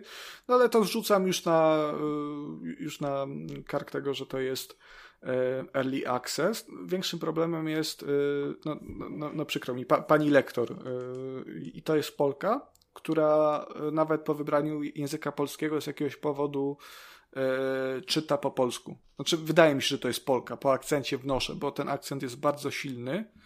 E, no i raz, że on utrudnia odsłuch, o, odsłuch te, te, tych informacji, a dwa, że gra nie ma napisów. I jakby to, co mówi pani lektor, nie jest wyświetlane na dole. Tam pojawia się wprawdzie jakaś ogólna informacja tego, o czym ona mówi, ale to nie jest y, jeden do jednego to, to, o czym ona mówi. I jest, tych informacji jest po prostu mniej, więc e, mimo, że tego mo- możesz słuchać, no to raz, że musisz się wytężyć, to jest męczące, a dwa, że y, no po prostu wiele rzeczy się gubi i zapominasz o tym. muszę cię poprawić, bo jeżeli dobrze usłyszałem, to powiedziałeś, że pani lektor czyta po polsku, a pani lektor czyta po angielsku. Tak, właśnie też Tak? miałem. A, Tak, no to przepraszam, tak, tak, tak, tak. Dlatego, dlatego jest to bardziej, bardziej mylące. Y, To tu, tu, się, tu się majtnąłem. Tak, y, pani lektor czyta po angielsku w wersji polskiej językowej gry. Z takich y, rzeczy, które y, w tej grze mi nie odpowiadają też, no to jest no, no, no jest na przykład strasznie dziwna rzecz, bo y, tych menadżerów też się odblokowuje, wynajmuje się ich i oni mają różne funkcje. Jeden na przykład, tak jak mówiłem wcześniej, wysyła rakiety w przestworza, inni, inny pozyskuje kolejne kontrakty, kolejny jeszcze e, buduje e, nowe rakiety, więc jakby ten proces można sobie fajnie zautomatyzować i to to, to, fajnie, to fajnie staje w kontraście z tym, co mówiłem w przypadku DevLive w ostatnim odcinku, bo tam narzekałem na to, że trzeba wszystko wyklikać i fajnie było, jakby można było ten proces zautomatyzować. I FX y, pokazuje, że nie do końca to jest idealny sposób, bo mm, teoretycznie można to wszystko zautomatyzować i, i wtedy gra się robi trywialna, bo siedzisz i patrzysz, jak pieniądze rosną.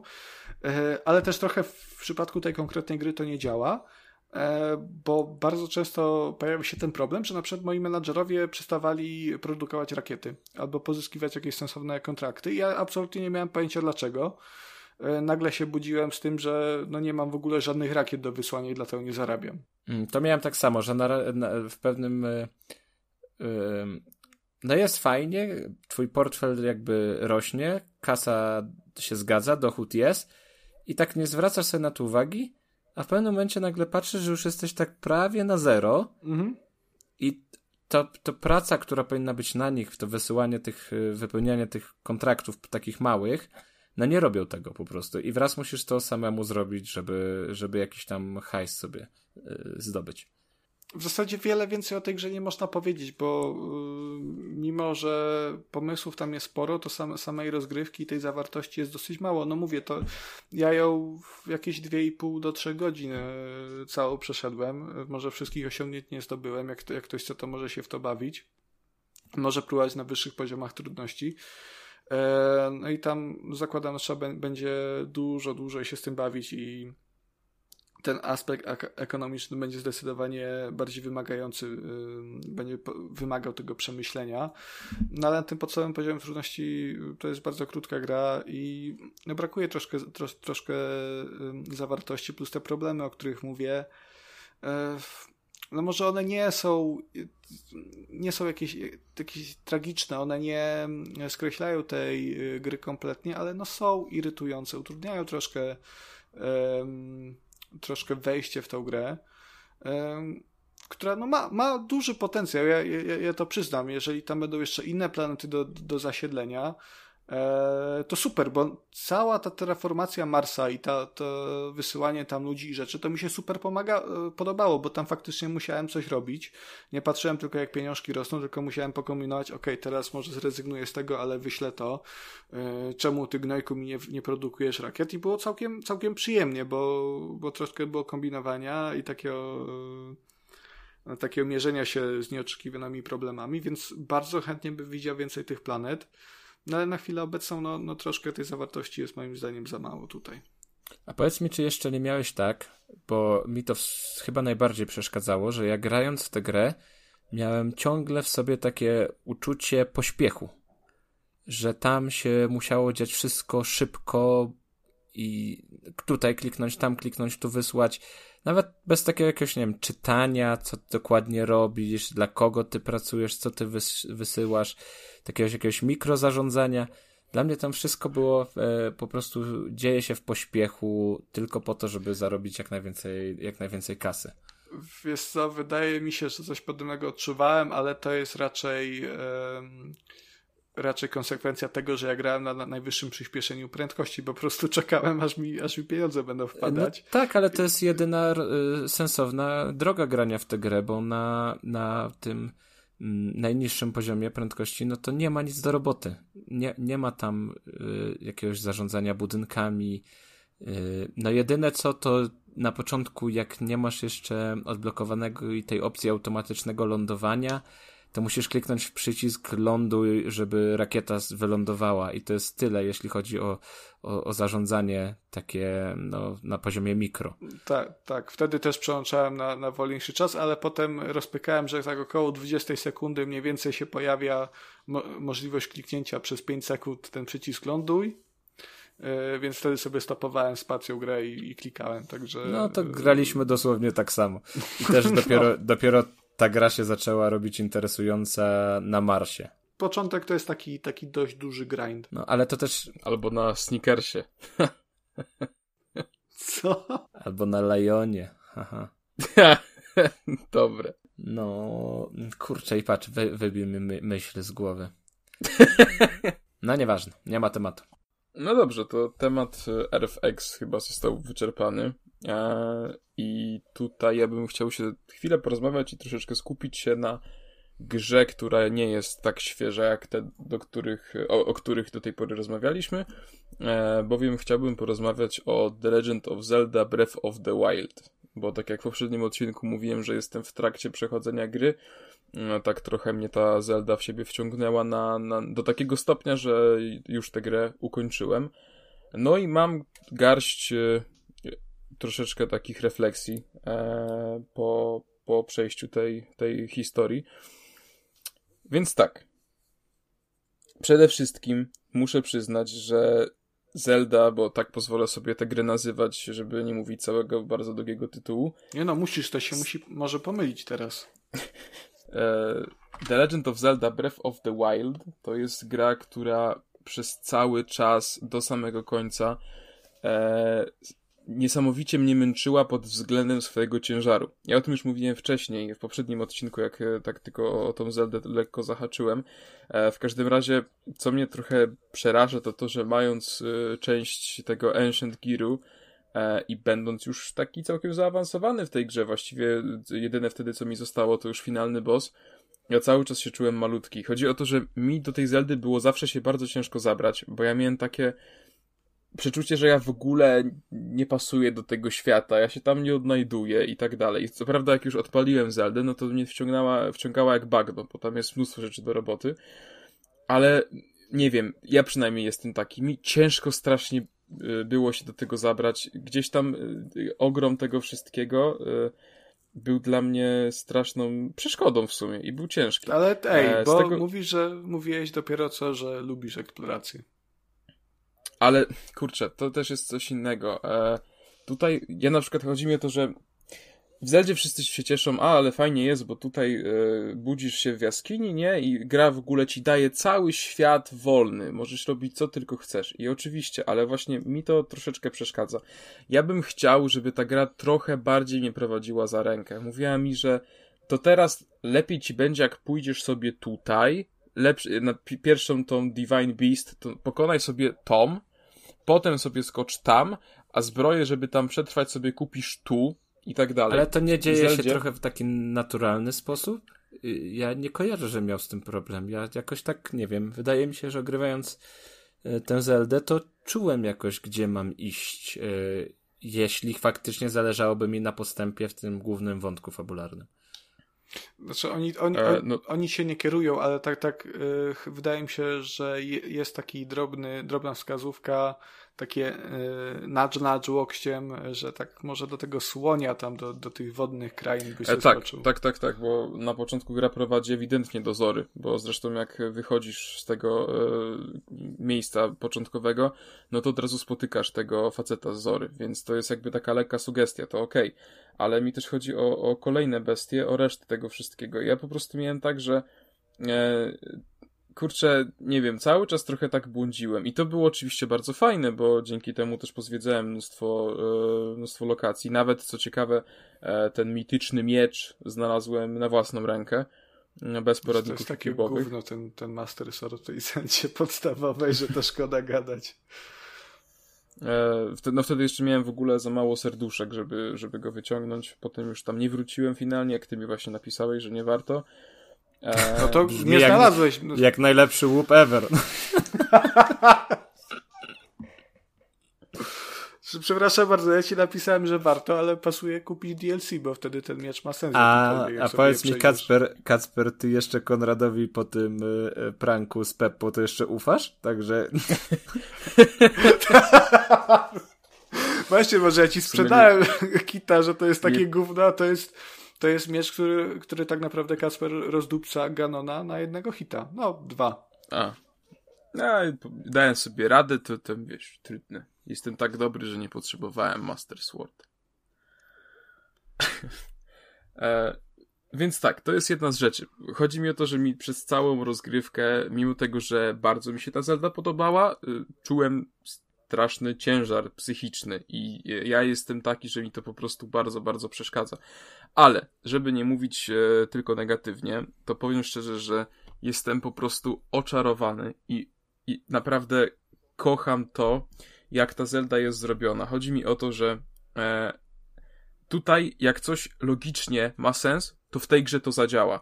I nawet często jest tak w różnych szrajnach, że e, czegoś nie przewidzisz, w sensie twórcy tego nie przewidzieli, ale ty wpadniesz na jakiś durny pomysł i coś takiego e, e, faktycznie działa.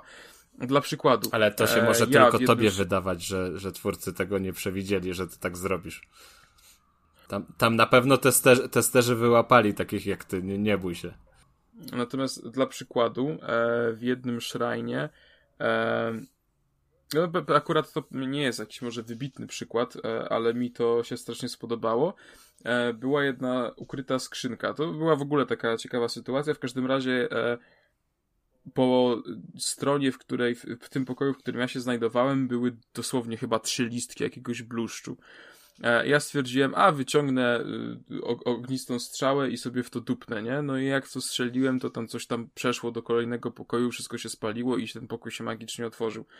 E, jak ktoś tego nie zauważył, to po prostu nie miał zielonego pojęcia, jak się do tego pokoju dostać. E, inny przykład, jak pisałem z, na Instagramie właśnie o. No a czekaj, o, czekaj, o czekaj, z... czekaj, czekaj, czekaj, bo ci muszę tutaj już przerwać. Teraz robię Konrada tutaj. Czyli nie było innej opcji, żeby dostać się do drugiej komnaty. A ja nie wiem, ja odkryłem tylko. A no to, to sposób, była, to była ta główna inne, ścieżka najprawdopodobniej. I, i ta, i... Nie, to nie była główna ścieżka, to była tylko e, drzwi osobne do skrzyneczki. No ale to. Tam nawet właściwie nie musiałeś, to nie mogłeś nawet nie zauważyć. No ale to taka. To, to, to, tak to, to, zwykła znajdźka. Tu, tu nie ma, że oszukałeś system. Ja zwykłą znajdźkę rozumiem przez coś, co jest po prostu gdzieś na przykład pod stołem w grze i się musisz schylić, żeby no, ją podnieść. No to jest taki, taki secret, nie? Ty jak w Wolfensteinach chodziłeś w tych pierwszych i, i klikałeś po drzwiach. Za flagę, wyda- żeby tam... Wyda- co, co wydaje mi się... Wydaje mi się, że w przypadku Zeldy raczej te e, szrajny mają jednak te rozwiązania m, mm, z góry ustalone. Tam mogą się pojawiać jakieś e,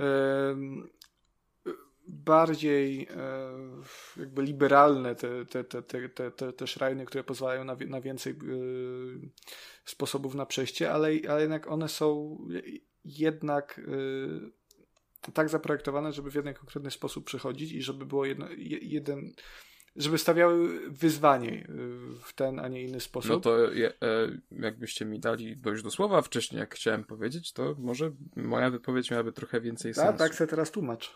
E, jest jeden shrine. E, na pustyni ogólnie motyw shrajnowy jest ten z tym prądem, nie? Mhm. Musisz e, łączyć różne te rzeczy. No i był faktycznie jeden ciężki strasznie shrine, przynajmniej dla mnie, bo trzeba było ten prąd prowadzić w różne strony, żeby pootwierać sobie drzwiczki do wielkich metalowych bloków, które ten prąd przewodzą.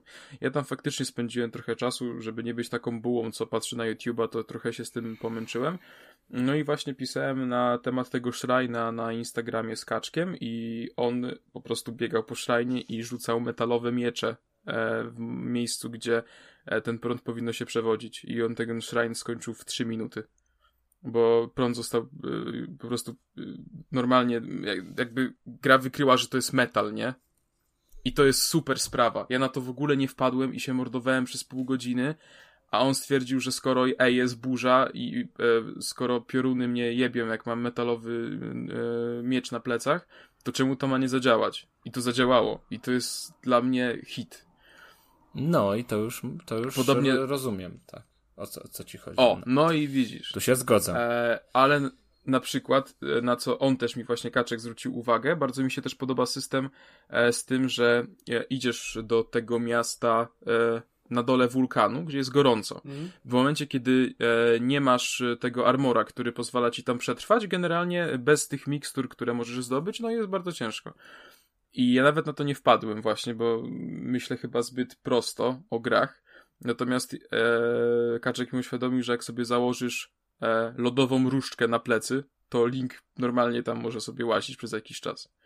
E, sytuacja analogiczna. Jak na, jak na pustyni jest ci za gorąco, Fu, jak na pustyni w nocy jest zimno i założysz sobie ognistą różdżkę na plecy, to jest ci ciepło. Tak, no na, nawet, nawet nie musisz różdżki zakładać, wystarczy, że yy, odpalisz pochodnie albo, albo mieczem drewnianym yy, trzaśniesz w ognisko i z tym idziesz. Ja, ja, tak na przykład na samym początku gdzieś tam, jeszcze, jeszcze w tej tutorialowej tym, ten, ten plateau, takim Grand Plateau to się chyba nazywa, taki, taki mhm. płaskowyż tutorialowy. E, tam jest jedna taka e, kapliczka, która jest w śnieżnych krainach, cytując Klocucha. E, i, i, ta, i, tam też właśnie wędrowałem i się bawiłem z płonącym mieczem, e, no co niszczyło ten miecz, ale, ale przynajmniej nie ogrzewało, bo inaczej mi życie spadało, także to jest super. Ta, ta, ta Zelda właśnie błyszczy takimi rzeczami, że, że, że każda, e, każdy z przedmiotów ma w zasadzie swoje proporcje E, ma swoje, swoje cechy, jest wykonane z jakiegoś materiału i to nie jest tak, że no, no to po prostu jest istnieje, ale, ale że te wszystkie różne mechaniki, różne, różne rzeczy w tym świecie wpływają na siebie, e, przez co, co najlepiej widać po speedrunach, jakie, jakie rzeczy tam ludzie odwalają, bo no, przez to ta gra pozwala na niesamowite e, sztuki, na jakieś przecież ludzie wysyłają siebie na latających głazach tak naprawdę w powietrze, e, co jest troszkę mniej logiczne, wiesz, bo że tak sobie pomyślisz, że co, jakoś tak jest i tak jest, no po prostu magicznie zamrażasz kamień, uderzasz parę razy, żeby mu nadać e, jakby tą, tą energię kinetyczną, wskakujesz na niego i wylatujesz na nim, nie? I, i, i przelatujesz ileś tam kilometrów. No to jest, to jest coś niesamowitego w tej grze, faktycznie.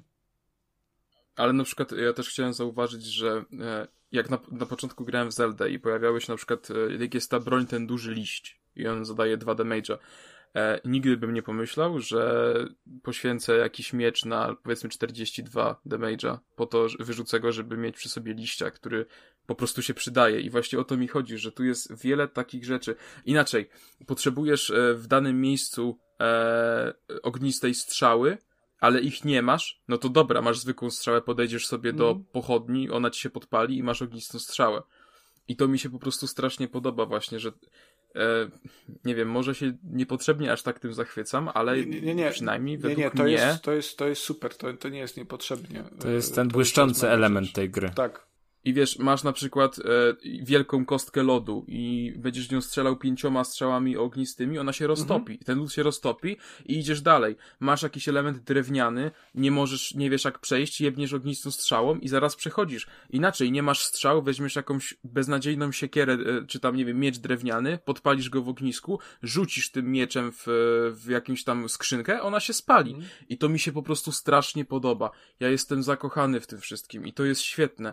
Nawet tak jak chcesz sobie podpiec jabłka, to nawet nie musisz ich tam e, wrzucać do tego e, garka, gdzie gotujesz, tylko wystarczy, że dropniesz e, jabłko po prostu na jakieś ognisko i on uderzy o ogień, ci się zamienia w e, upieczone a jabłko. To też a jest A w wulkanie wystarczy gdziekolwiek rzucić jabłko albo jedzenie i ono się automatycznie tak, smaży. Tak, właśnie, e, właśnie. wiesz co, to ja, jak tak cię słucham, e, to znowu będę tutaj apostołował dodatek do, do Breath of, of the Wild, który się nazywa Trials of the Master Sword.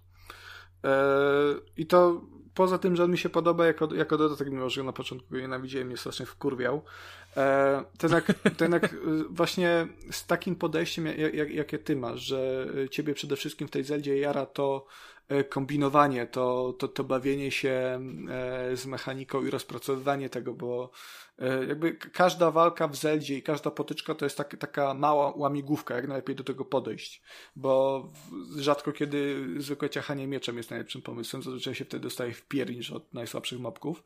To właśnie e, Trials of the Sword e, to jest jest dodatek oparty dokładnie o ten motyw. To jest to jest troszkę rogalikowe, nie? Bo tam jeżeli jeżeli zginiesz, no to cię cofają na początek zestawu wyzwań.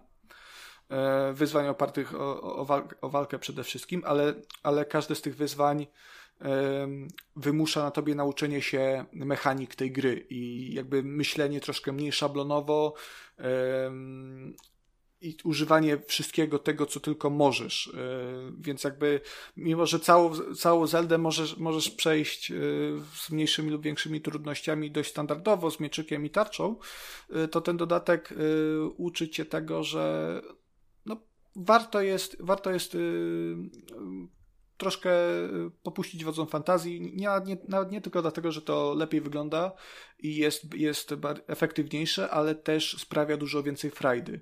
E, także choć to jest bardzo trudny dodatek, to e, jego przejście sprawia masę, masę satysfakcji i czujesz się wtedy, że faktycznie e, rozumiesz Zeldę.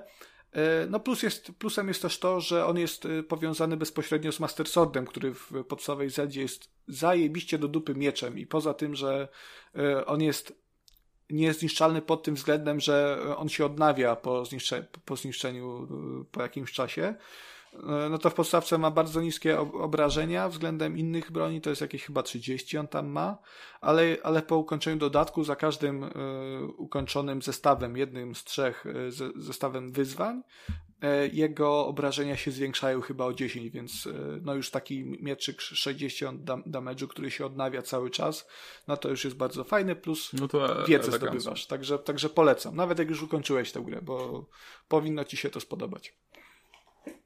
W ogóle tutaj, jak jesteśmy już, e, rozmawiamy o, o walce, E, jeśli nie graliście w Zeldę, a zamierzacie, to naprawdę ja to na początku zignorowałem i, i potem żałowałem. Bardzo polecam nauczyć się parowania i unikania mhm. e, ataków w odpowiednim, o, odpowiedniej chwili. To jest klucz do e, naprawdę efektywnej walki w Zeldzie. E, zresztą finałowy boss wymaga tej umiejętności w większym lub mniejszym stopniu. E, ja natomiast wiem, że dużo lepiej bym sobie radził z wieloma walkami e, z przeszłości, gdybym nauczył się tego nie podczas walki z finałowym bossem. E, więc tutaj faktycznie warto i pod tym względem wiem, że sporo straciłem, olewając ten element. No to dodatek też by cię tego, tego nauczył, bo no to jest wymagane, ale też w podstawce jak są te walki z tymi lineelami. Lineele to są chyba na, największe skurwysyny e, w całej Zeldzie. To są te takie tak, centaury. Tak. One są dużo życia mają, dużo da damage'u dają, są w miarę szybkie. E, I można je dziabać normalnie, ale, ale no trzeba się tutaj nauczyć tego wyczucia, te, te, tego, to się flary nazywa, nie? E, tego po uniku to, tych, tych szybkich ataków, jeżeli wykonasz unik w odpowiednim momencie, to uzyskujesz taką tak, możliwość. E, tych w slow motion. Mhm. E, no bez tego wątpię, żeby była, była opcja pokonania takiego właśnie centaura, chyba że masz tysiąc bomb strzał przy sobie. No to, to, to, to szkoda. Okay. Albo, albo chyba, że masz jedną tą starożytną strzałę, bo to znika przeciwnika na hita. No to tak chyba że w, w ogóle ten e, cały ten gear ancientowy to jest świetna sprawa. E, tylko, że właściwie masz jakąkolwiek możliwość zdobycia go pod sam koniec gry. Przynajmniej ja tak, tak mi się wydaje. E, natomiast, e, co bym jeszcze. Taka mała rzecz. E, natomiast, jak grałem w Zelda w trybie TV, to podczas celowania na początku mnie to strasznie wkurwiało, że jak ruszam kontrolerem w dół, to Link mi celuje też w dół. I sobie myślę, co za w ogóle głupota. Natomiast szczerze, to jest tak dobrze na tym Switchu zrobione, że to celowanie w ten sposób jest dużo dokładniejsze i dużo przyjemniejsze od celowania analogiem, przez co właściwie w późniejszym etapie gry celowałem wyłącznie w ten sposób. Ba, mało tego, teraz ogrywając Call of Duty na e, PlayStation, autentycznie zdarza mi się, że na przykład jak e, potrzebuję użyć snajperki, to po prostu DualShocka daję w dół Jezus, zamiast ja, analogiem. Ja miałem to samo, bo ja po, jakoś niedługo po Zeldzie zacząłem w Horizona grać. I jakby to jest mechanicznie dość podobna gry, bo to też jest walka oparta na łuku tak naprawdę. Tak, e, tak jest. I kurwa, jak, po, po, tym jak na Switchu mogłem sobie się wspomagać tym, e, tym żyroskopem, to, to na, w Horizonie to tak mi się wydawało wszystko sztywne. No jest to, jest to. Jest no ja, to miałem, ja mam to samo teraz. No. To się kurwa po prostu nie da, nie da się dobrze celować teraz, nie?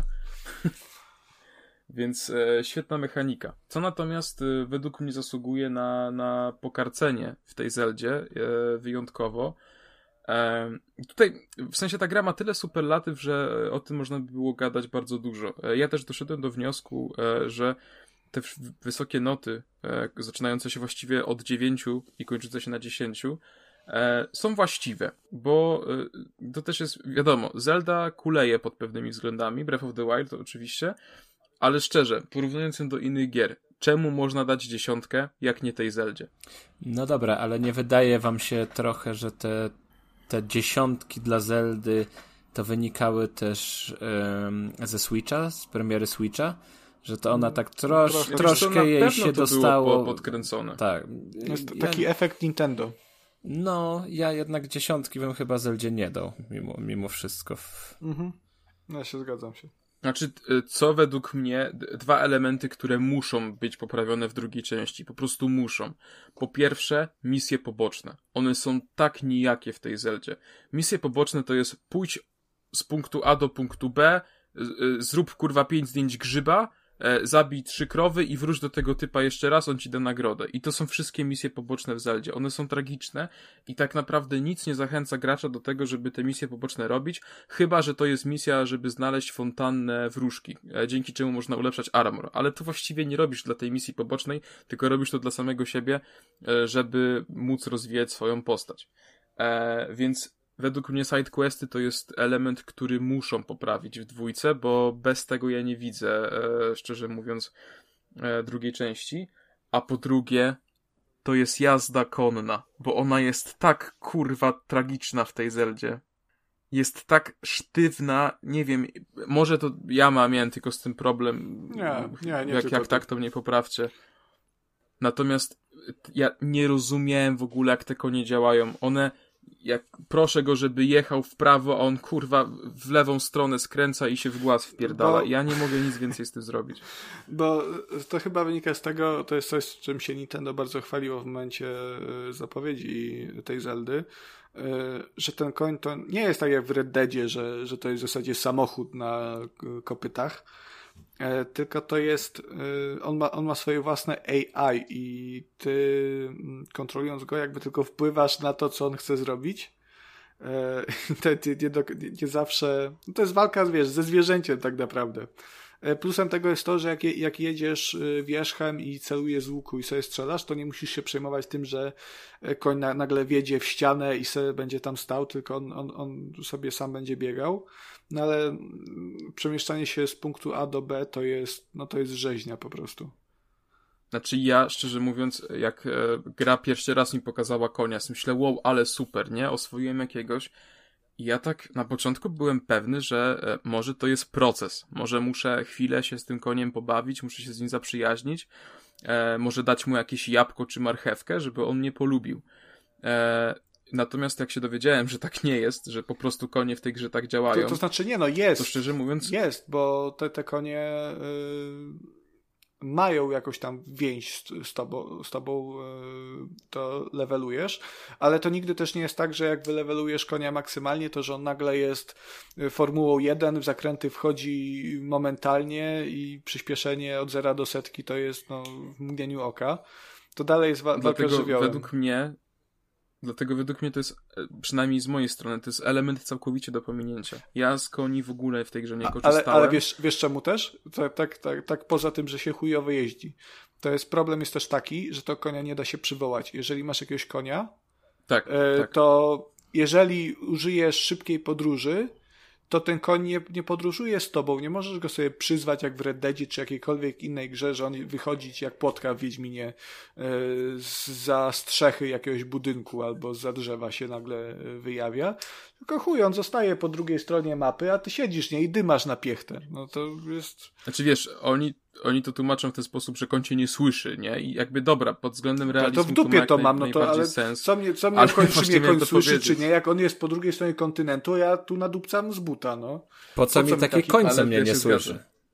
No to właśnie. Nie powinno tak być, to, to jest element do poprawienia, a z drugiej strony e, rejestrowanie koni w tych stajniach, które się pojawiają i ale kurwa, żeby wziąć konia, żeby gdzieś szybciej dojechać, żeby szukać stajnie z tego powodu, no nie wiem, dla mnie to jest e, Ty- nieprzemyślane bardzo. To, to się mija z celem, bo więcej czasu traci, żeby dojść do tej stajni, wziąć konia Tak, i żeby dojechać jeszcze, wyjechać z tej stajni i ten, no to jest, to jest bez sensu i dlatego ja w ogóle nie korzystałem z tych koni, chyba, że akurat się udało, że gdzieś obok przebiegałem, akurat gdzie go zostawiłem 50 godzin temu, nie? To jest, jeszcze sobie wsiadłem. No to ja się pobawiłem, mówię, chwilę, starałem się to opanować, ale po pewnym czasie się poddałem po prostu i mówię, to jest e, element, który całkowicie pominąłem i e, nie chcę tutaj zbytnio spoilerować, e, bo nie o to chodzi, ale Myślę, że możesz. Pod Śmiało, koniec- chyba jesteś ostatnią osobą, która grała w Zeldę na świecie, także spokojnie. ale pod koniec rozgrywki walnąłem solidnego facepalma. I ci, co wiedzą, e, ci, co przeszli Zeldę, zakładam, że wiedzą, o co mi chodzi w tematyce koni. E, więc To nie ma ogólnie- pojęcia, no ale o co chodzi? Naprawdę nie No, wiem. że Nie się- mam pojęcia o co chodzi. Że się bossa na koniu, tak? A to, a to nie jest boss już, to jest w zasadzie tylko taki ten, bo on, on chyba ci nie może nad obrażeń zadać, to już taki, taki... Dobra, ale cicho, cicho. Dobra, No to ktoś może, ty, ty o tym mówisz. nie grał, no. No tak. To nie, boss wcześniej jest spoko, a potem po, potem po, po bossie masz takie, wiesz, takie ost- ostatnie taka niby walka i taka z, z potężnym przeciwnikiem, ale to jest na zasadzie raczej takie, że masz, Dobra, zasłużyłeś. ale kurwa, nie spoileruj, ty. Ja tylko powiem, że jak się kupi drugi dodatek, e, zapomniałem tytułu, jak on się nazywa, e, ale w nim jest motorek. E, I jakby ten, ten motocykl w ogóle sprawia, że, że ten koń jest jeszcze, jeszcze mniej przydatny niż w podstawce, bo w, podsta- w podstawce w pewnym momencie odblokowaliśmy też tę umiejętność takiego wzbicia się w powietrze, nie? I z tego, z tego miejsca mogłeś sobie szybować, gdzie chciałeś. e, na tej paralotni. A jak masz motorek, to po prostu przyzywasz motorek, bo sobie możesz przyzwać gdziekolwiek chcesz, kiedy chcesz. Wsiadasz, on jest szybszy, steruje się tak jak, nie wiem, w GTA, gdzie, gdzie, gdzie chcesz to pojedzie. E, I w zasadzie przy jego pomocy można e, ten run na ostatniego bossa przejść w sekundę, pomijając większość pomniejszych przeciwników. Także polecam też. Jebać konie. Przynajmniej w Zeldzie. No to, no to tym, tym akcentem wydaje mi się, że możemy chyba skończyć rozmowę na temat Zeldy. No i aha, jeszcze muzyka. Muzyka jest przecudowna, po prostu. Jest bajeczna, e, pasuje do każdej lokacji, po prostu jest naprawdę wspaniale i muzyka tylko i wyłącznie pomaga e, temu doświadczeniu, jakim jest przejście Breath of the Wild. No, ta, ta, takie, e, takie jeśli... mocne 2 na 10. Co? nie pamiętam w ogóle muzyki z tej Zeldy. Nie, muzyka jest przecudowna. Naprawdę jest prześwietna. Jeśli o to chodzi, to to jest top tier. Ale dobrze. To mówię, po prostu miałem sporo, sporo w głowie rzeczy po, po przejściu tej Zeldy, bo jakby nie było, jest to gra w pewien sposób. E, o Jezu, powiem to i pewnie zaraz się jeden i drugi dojebie. Przełomowa jest to gra na pewno duża, gra, która mimo wszystko zapada w pamięć po jej przejściu, eee, ale teraz wracamy trochę na ziemię, a nawet bym powiedział, że na wodę i Kuba opowie o e, grze pod tytułem King of Seas, o której ostatnio mówił e, w Indykach. No, Kuba się będzie tak teraz bardzo, bardzo będzie się tłumaczył teraz właśnie. Teraz muszę wziąć odpowiedzialność za swoje słowa. To ale, szukałeś i ale nie, nie tylko słuchaczy, ale, ale też przede wszystkim mnie. Nie, nie zachwalałem. Chcę tutaj zaznaczyć, bo za każdym razem jak opowiadam o jakimś interesującym indyku, to nie mam bladego pojęcia, co z tego wyjdzie. Także no, w King of Seas się po prostu trochę no, naciąłem. Ale też nie jest tak, że to jest jakaś tragiczna gra. Nie, nie, nie, nie, nie. Mm, skończyłem ją, także nie była taka znowu tragiczna. Mm, ale miał być RPG. Miał być action mm, e, e, RPG w pirackich klimatach. Zamiast głównego bohatera mieliśmy po prostu sterować swoim stateczkiem i tak faktycznie jest. Tylko z RPGami ta gra nie ma za dużo wspólnego. No, coś tam levelujemy, jakieś umiejętności są, jakieś, e, jakiś punek jest, ale w życiu bym tej gry nie nazwał RPG. Ale może zacznijmy od początku. W historia, wątek fabularny, wcielamy się w jednego mm, z potomków króla, króla mórz tytułowego. I możemy sobie wybrać, czy chcemy być córką, czy chcemy być synem. I mm, w zależności od tego, którą postać wybierzemy, to sobie gramy jesteśmy na takim swoim etapie życia, że jeszcze, no przed, przed tym, zanim zaczniemy być ważni w, króle, w królestwie, tak? Jesteśmy sobie jeszcze, nie jesteśmy dzieckiem, ale też nie jesteśmy jeszcze dorosłym, jesteśmy takim, no, podrostkiem, powiedzmy. I jako jedną z pierwszych naszych misji, nasz ojciec wysyła nas w prosty, w prosty rejs do sąsiedniej wioski, załatwić jakieś tam proste sprawy przy czym sobie tam płyniemy i w momencie, gdy chcemy wracać, okazuje się, że na królestwo spadła wielka, wielka katastrofa, król został zamordowany, a na skutek intrygi oskarżeni o to morderstwo jesteśmy my, przy czym wyrok na nas zostaje wykonany natychmiastowo, statek, na którym płyniemy zostaje zatopiony, a my lądujemy w wodzie, wyciąga nas z tego i ratuje z tej sytuacji Pi Ktulu. Tak. Zgadłeś. Tak jest. Pirat. Pirat, pirat. E, pirat, piraci są zepchnięci na margines mm, przez to, że ten król, mórz po prostu w wielkiej bitwie, która miała miejsce x lat temu, pokonał ich, niewielu ich zostało, część została wyłapana, część wymordowana, część e, złożyła hołd królestwu i tam dalej, i tak dalej. I na, tak naprawdę o istnieniu piratów E, nie wie nikt, ale mają taką swoją małą wioskę gdzieś tam na obrzeżach, na obrzeżach krainy i tam właśnie się rozpoczyna nasza przygoda już jako, jako pirata. I oczywiście, jak łatwo Barnaby. się domyśleć, głównym celem um, jest odkrycie, któż stoi za tą intrygą zabicia naszego ojca, mm, oczyszczenia się z zarzutów i przywrócenia światłości królestwu i tak dalej, i tak dalej. No i zaczynamy sobie od, od wypełniania jakichś tam prostych y, misji. Płyniemy do jednego portu, płyniemy do drugiego portu, tu musimy zatopić jakiegoś y, kapitana, który prawie odkrył nasze położenie i tak dalej, i tak dalej. No i teoretycznie wszystko na papierze wygląda fajnie, z tym, że cała rozgrywka toczy się na, na wodzie. Jesteśmy tym statkiem. A to pływanie jest takie nudne, że no w sumie można by chyba je porównać do realnego. Jest po prostu nudne, nic się nie dzieje. Jest ten stateczek sobie na, kolejnych, na kolejnych falach się odbija i tak sobie płynie do celu i tak sobie płynie. Przy czym nie dzieje się praktycznie po drodze nic. Możemy gdzieś się zatrzymać, żeby tam zgarnąć jakiś porzucony łup, czy jakiś pakunek na wodzie, ale tak naprawdę nie jest to, to, nie jest to nic ciekawego. No i ten stan rzeczy mógłby uratować system walki, bo, bo, bo bitwy morskie zawsze mają ten taki fajny potencjał, ale tutaj tak naprawdę no, nie dzieje się też nic w tym aspekcie.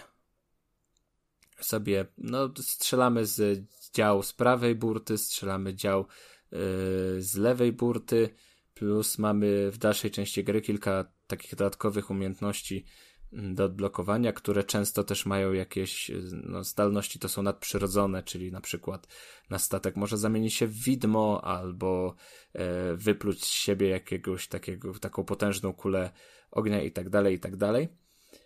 I w sumie w momencie, na samym początku jeszcze te, te pojedynki potrafią być ekscytujące, bo faktycznie taka mm, prosta wymiana ognia y, może nas jakoś zaangażować, bo, bo, bo jesteśmy w stanie, no raz oberwiemy, raz zadamy i coś, coś się tam dzieje, w zależności od tego, czy trafimy przeciwnika.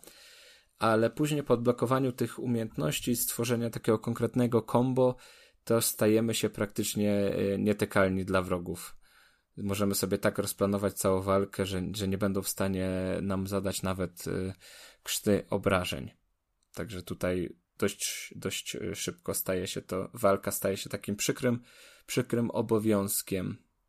Kolejnym takim elementem, y, który poniekąd psuje odbiór tego systemu walki, jest to, że brakuje balansu, jeżeli chodzi o, o statki i dostępne okręty bo jest ich sześć chyba. I dla mnie naturalnym było, że kupienie tego najdroższego, y, najdroższej fregaty, która ma najwięcej żagli, najwięcej dział i wydaje się być no po prostu najpotężniejszym z wszystkich dostępnych statków, yy, będzie no kluczem do sukcesu. I jedną z pierwszych rzeczy, które zrobiłem, było nazbieranie hajsu, żeby kupić ten, ten statek i siać yy, zniszczenie na, na morzach, po czym się okazało, że ta fregata jest no po prostu o dupę potłuc. E, bo była zbyt wolna, mało zwrotna, te działa wcale nie robiły jakiejś wielkiej różnicy i w sumie koniec końców grę kończyłem mm, tym podstawowym stateczkiem, który dostałem na początku, bo był on jakiś najsensowniej zbalansowany, jeśli chodzi o siłę ataku i, i zwrotność. Ale wiem, Konrad, z ostatniego epizodu, że ty byłeś bardzo zainteresowany tym handlem. No właśnie miałem się pytać, co z tym handlem, bo no, już się boję trochę. Ten handel jest, ale Ech, powiem ci tak, kilkakrotnie próbowałem z, zarobić coś na tym handlu, ale nawet jeżeli się udało, bo faktycznie jest tak, że część e, tych surowców dostępnych nie ma dużo, ale jest tak, że w jednym mieście możesz je kupić taniej i w drugim drożej sprzedać ale naprawdę nie, nie warto się w to bawić. Wydaje mi się, że z jakichś y, po drodze znalezionych łupów czy, czy mm, złupionych statków możesz zdobyć dużo więcej pieniędzy niż z tego handlu. Przy czym, tak jak wspominałem na początku, to pływanie samo w sobie jest nudne, a nikt ci nie zagwarantuje, że miasto, do którego dopłyniesz, to będzie to, w którym możesz no, zarobić jest niewykluczone, że będziesz musiał płynąć do następnego i stracisz no po prostu na tym dużo czasu. Jeszcze jedna rzecz jest taka, że mapa jako taka mm, na początku nie widzisz nic na tej mapie. Ona jest po prostu zasłonięta mgłą całkowicie i możesz sobie wykupować jej kolejne elementy u kartografa, ale ona i tak to będzie na takiej zasadzie bardziej szkiców, że będziesz miał zaznaczoną wyspę czy jakiś tam archipelag, ale nie będziesz miał zaznaczone na tej mapie, że to miasto jest konkretnie tutaj i to jest takie miasto, takiej i takiej wielkości. No musiałbyś to wszystko pamiętać, jeszcze musiałbyś po prostu pamiętać drogę, yy, drogę do każdego miasta, żeby zarabiać na handlu. Nie widzę w tym, w tym większego sensu. Już prędzej bym upatrywał jakiejś szansy, że w tych znalezionych rzeczach, yy, który, no jeżeli ci się nazbiera ich dużo, to faktycznie to faktycznie warto udać się do tego miasta, które oferuje ci najwyższą cenę. Ale no pieniądze w tej grze się wydaje tak dużo i zarabia ich tak, tak dużo, że nie warto się tam bawić w jakieś yy, w, w, w jakieś grosiki, które na tym handlu można by zyskać. No to, no to smutno. No nie powiem, no trochę się tego spodziewałem, yy, bo, bo to nie był, yy, nie był, ten handel nie był wylistowany na Steamie jako jeden, jedna z najważniejszych cech, czy tylko jakieś tam e, dodatkowe mechaniki.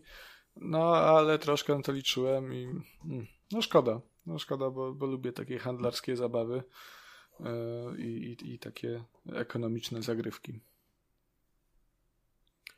No, nie, mam wrażenie, że w tej grze po prostu brakuje jakiegoś takiego motywu, motywu przewodniego, jakiegoś solidnego punktu, wokół którego cała gra by się mm, toczyła i, i sprawiała, sprawiała radość. No jest po prostu taka trochę, trochę nijaka. Można by powiedzieć, że przydałoby się temu tytułowi coś takiego, co by e, pchnęło wiatr Dzięki w jego żagle. zapałby wiatr w żagle. O, no właśnie. Ale patrz, patrz, patrz, patrz. A właśnie z tym wiatrem to też się Wielkie umysły myślą podobnie. Bo, bo pamiętam, że jako jeden z tych mm, wyróżnionych elementów były te proceduralnie generowane mapy. Mhm. No i faktycznie one się generują, ale tylko na początku ci się raz generuje ta mapa i to tyle, tak? Tam, tam nie ma żadnych lochów ani nic takiego, gdzie byś cały czas e, miał jakąś różnorodność, tylko dostajesz na początku mapkę i na tej, na tej mapce się bawisz całą kampanię. Mm, I moje miasteczko startowe trafiło się gdzieś, nie, nie wiem, może się zawsze trafia na, na obrzeżach, e, ale tak miałem jakoś, że zawsze mi się po prostu pod, musiałem, żeby płynąć do centrum, musiałem płynąć pod wiatr i do tego jeszcze prędkość tego stateczka spadała. To też mnie ciągle, mnie to po prostu doprowadzało do, do pasji. Sobie próbuję przypomnieć jeszcze jakiś ciekawy element tej gry, ale naprawdę nic nie przychodzi mi do głowy. Trochę pokładałem nadzieję w tym, że może będą jakieś e, walki z morskimi stworami, ale nie. Są tylko od czasu. No właśnie, bo y, ostatnio w zeszłym odcinku y, mówiłeś o tym, że gdzieś tam są jakieś krakeny się pojawiają. No właśnie, no właśnie. Z takich, y, z takich e, walk. Czyli ich nie ma. Są, ale one się pojawiają tylko na takiej zasadzie, że no jak, jak widzisz, że są burki w wodzie i podpłyniesz za blisko, to, to, to wyskoczy i cię pacnie macka i zada ci tam ileś obrażeń. I, i to tyle. A, nie, to nie, nie, nie może z nią walczyć ani nic takiego. E, są statki widma, e, z którymi można, można się pobić, ale no ale to jest na zasadzie zwykłej walki z każdym, z każdym pierwszym, lepszym statkiem. Mm. Szczególnie według mnie ta gra brzmi bardzo nieciekawie. No, kolejnym takim jeszcze nieciekawym elementem, żeby dołożyć jest y, y, rybołówstwo. Mieli taki pomysł, żeby zrobić łowienie ryb takim elementem no troszkę znajdźkowym, kolekcjonerskim, że no na początku dostajesz podstawową wędkę, musisz złapać taką rybkę, taką rybkę, taką rybkę, wtedy ci dadzą ulepszoną wędkę, ale to łapanie ryb polega dosłownie na niczym. Podpływasz do ławicy ryb, którą widzisz na wodzie, klikasz mm, przycisk i, i ją wyławiasz. I to tyle Więc poddałem się po, nie wiem, no, no, 10-20 złowionych tych, tych rybach. Stwierdziłem, że to no, nie sprawia mi to żadnej frajdy, więc nie zamierzam na to tracić czasu. I w sumie to tak miałem z całą grą, że na początku jeszcze trochę mi zależało, tam sobie zajrzałem, tam sobie zajrzałem, tu sobie coś popatrzyłem, a tak już od połowy to miałem tylko kierunek koniec, pomijałem zadania poboczne, które są no też mało ciekawe, bo to jest na, na ogół dostarczenie ładunku albo sprzątnięcie konkretnego statku i tak oby, oby do końca i się udało się. No, nie, nie powiem, no brzmi to jak masa zmarnowanego potencjału i, i serce mnie boli, no ale chyba będę to musiał jednak e, usunąć ze swojej listy e, gier do kupienia. No, chyba, chyba nie warto, szczególnie też, że gierka nie jest, nie jest jakaś, wiesz, krótka, żeby, e, jeżeli chciałby się ukończyć, bo mi mm, skończenie je zajęło, no tak 13 godzin. Uff. Około. No. Nie, to dużo. To za dużo jak na takie smętne pływanie po tym. A jak muzyka? E, są jeszcze takie zadania wkurzające, takie typowo wkurzające, żeby przyciągnąć tę grę w stylu zbierz 100 tysięcy monet. Tak, żeby popchnąć fabułę do przodu, musisz e, zebrać e, tyle i tyle kasy i wtedy faktycznie gra zmusza cię do wykonywania zadań pobocznych, czy tam do łupienia statków, nawet jeśli nie chcesz wcale tego robić. Y, kolejnym przykładem takiego zadania jest osiągnij 35 poziom. Nie ma żadnych podstaw do tego, żeby ta gra, mm, żebyś miał ten 35 poziom, ale gra wymusza na tobie zdobywanie kolejnych punktów doświadczenia tylko, tylko dlatego, żeby cię dłużej trzymać, trzymać przy ekranie. A, e, pozwolę sobie powtórzyć pytanie w takim razie. Jak muzyka? No, muzyka jest. Jak pogoda jak humor. Muzyka jest. Okej. Okay. Ja tak jak, tak jak mówiłem wcześniej, jeżeli by to było coś nad, nadzwyczajnego, to, to bym to zapamiętał i bym o tym wspomniał. Jeżeli by było to coś tragicznego albo niepasującego do koncepcji gry, no to też, też by mi się to wryło w pamięć. No po prostu, po prostu jest tło do tego, co dzieje się na ekranie i, i, i to jest y, no, zrobione poprawnie. No to chyba będzie tyle na dzisiaj. No tak by się zdawało, także tym pesymistycznym akcentem w postaci rozczarowującego King of Seas kończymy dziewiąty już epizod Trójka Podcast. Za mikrofonami jeszcze raz byli Konrad Noga. O, no dzień dobry. Znaczy, dziękuję za uwagę. Czekaj. Kuba. Ale siadło, ale siadło. Kuba Smolak. Dzięki za uwagę. Do usłyszenia. Miłego dnia, tudzież tygodnia. I Kacper Cymbrowski, czyli ja i również dzień dobry. Trzymajcie się i do następnego. A wy? Co sądzicie o grach i tematach poruszanych w odcinku? Koniecznie dajcie nam znać w komentarzach, na Twitterze lub poprzez adres e-mail. Wszystkie linki znajdziecie w opisie. Pozdrawiamy. Ara, ara, sayonara!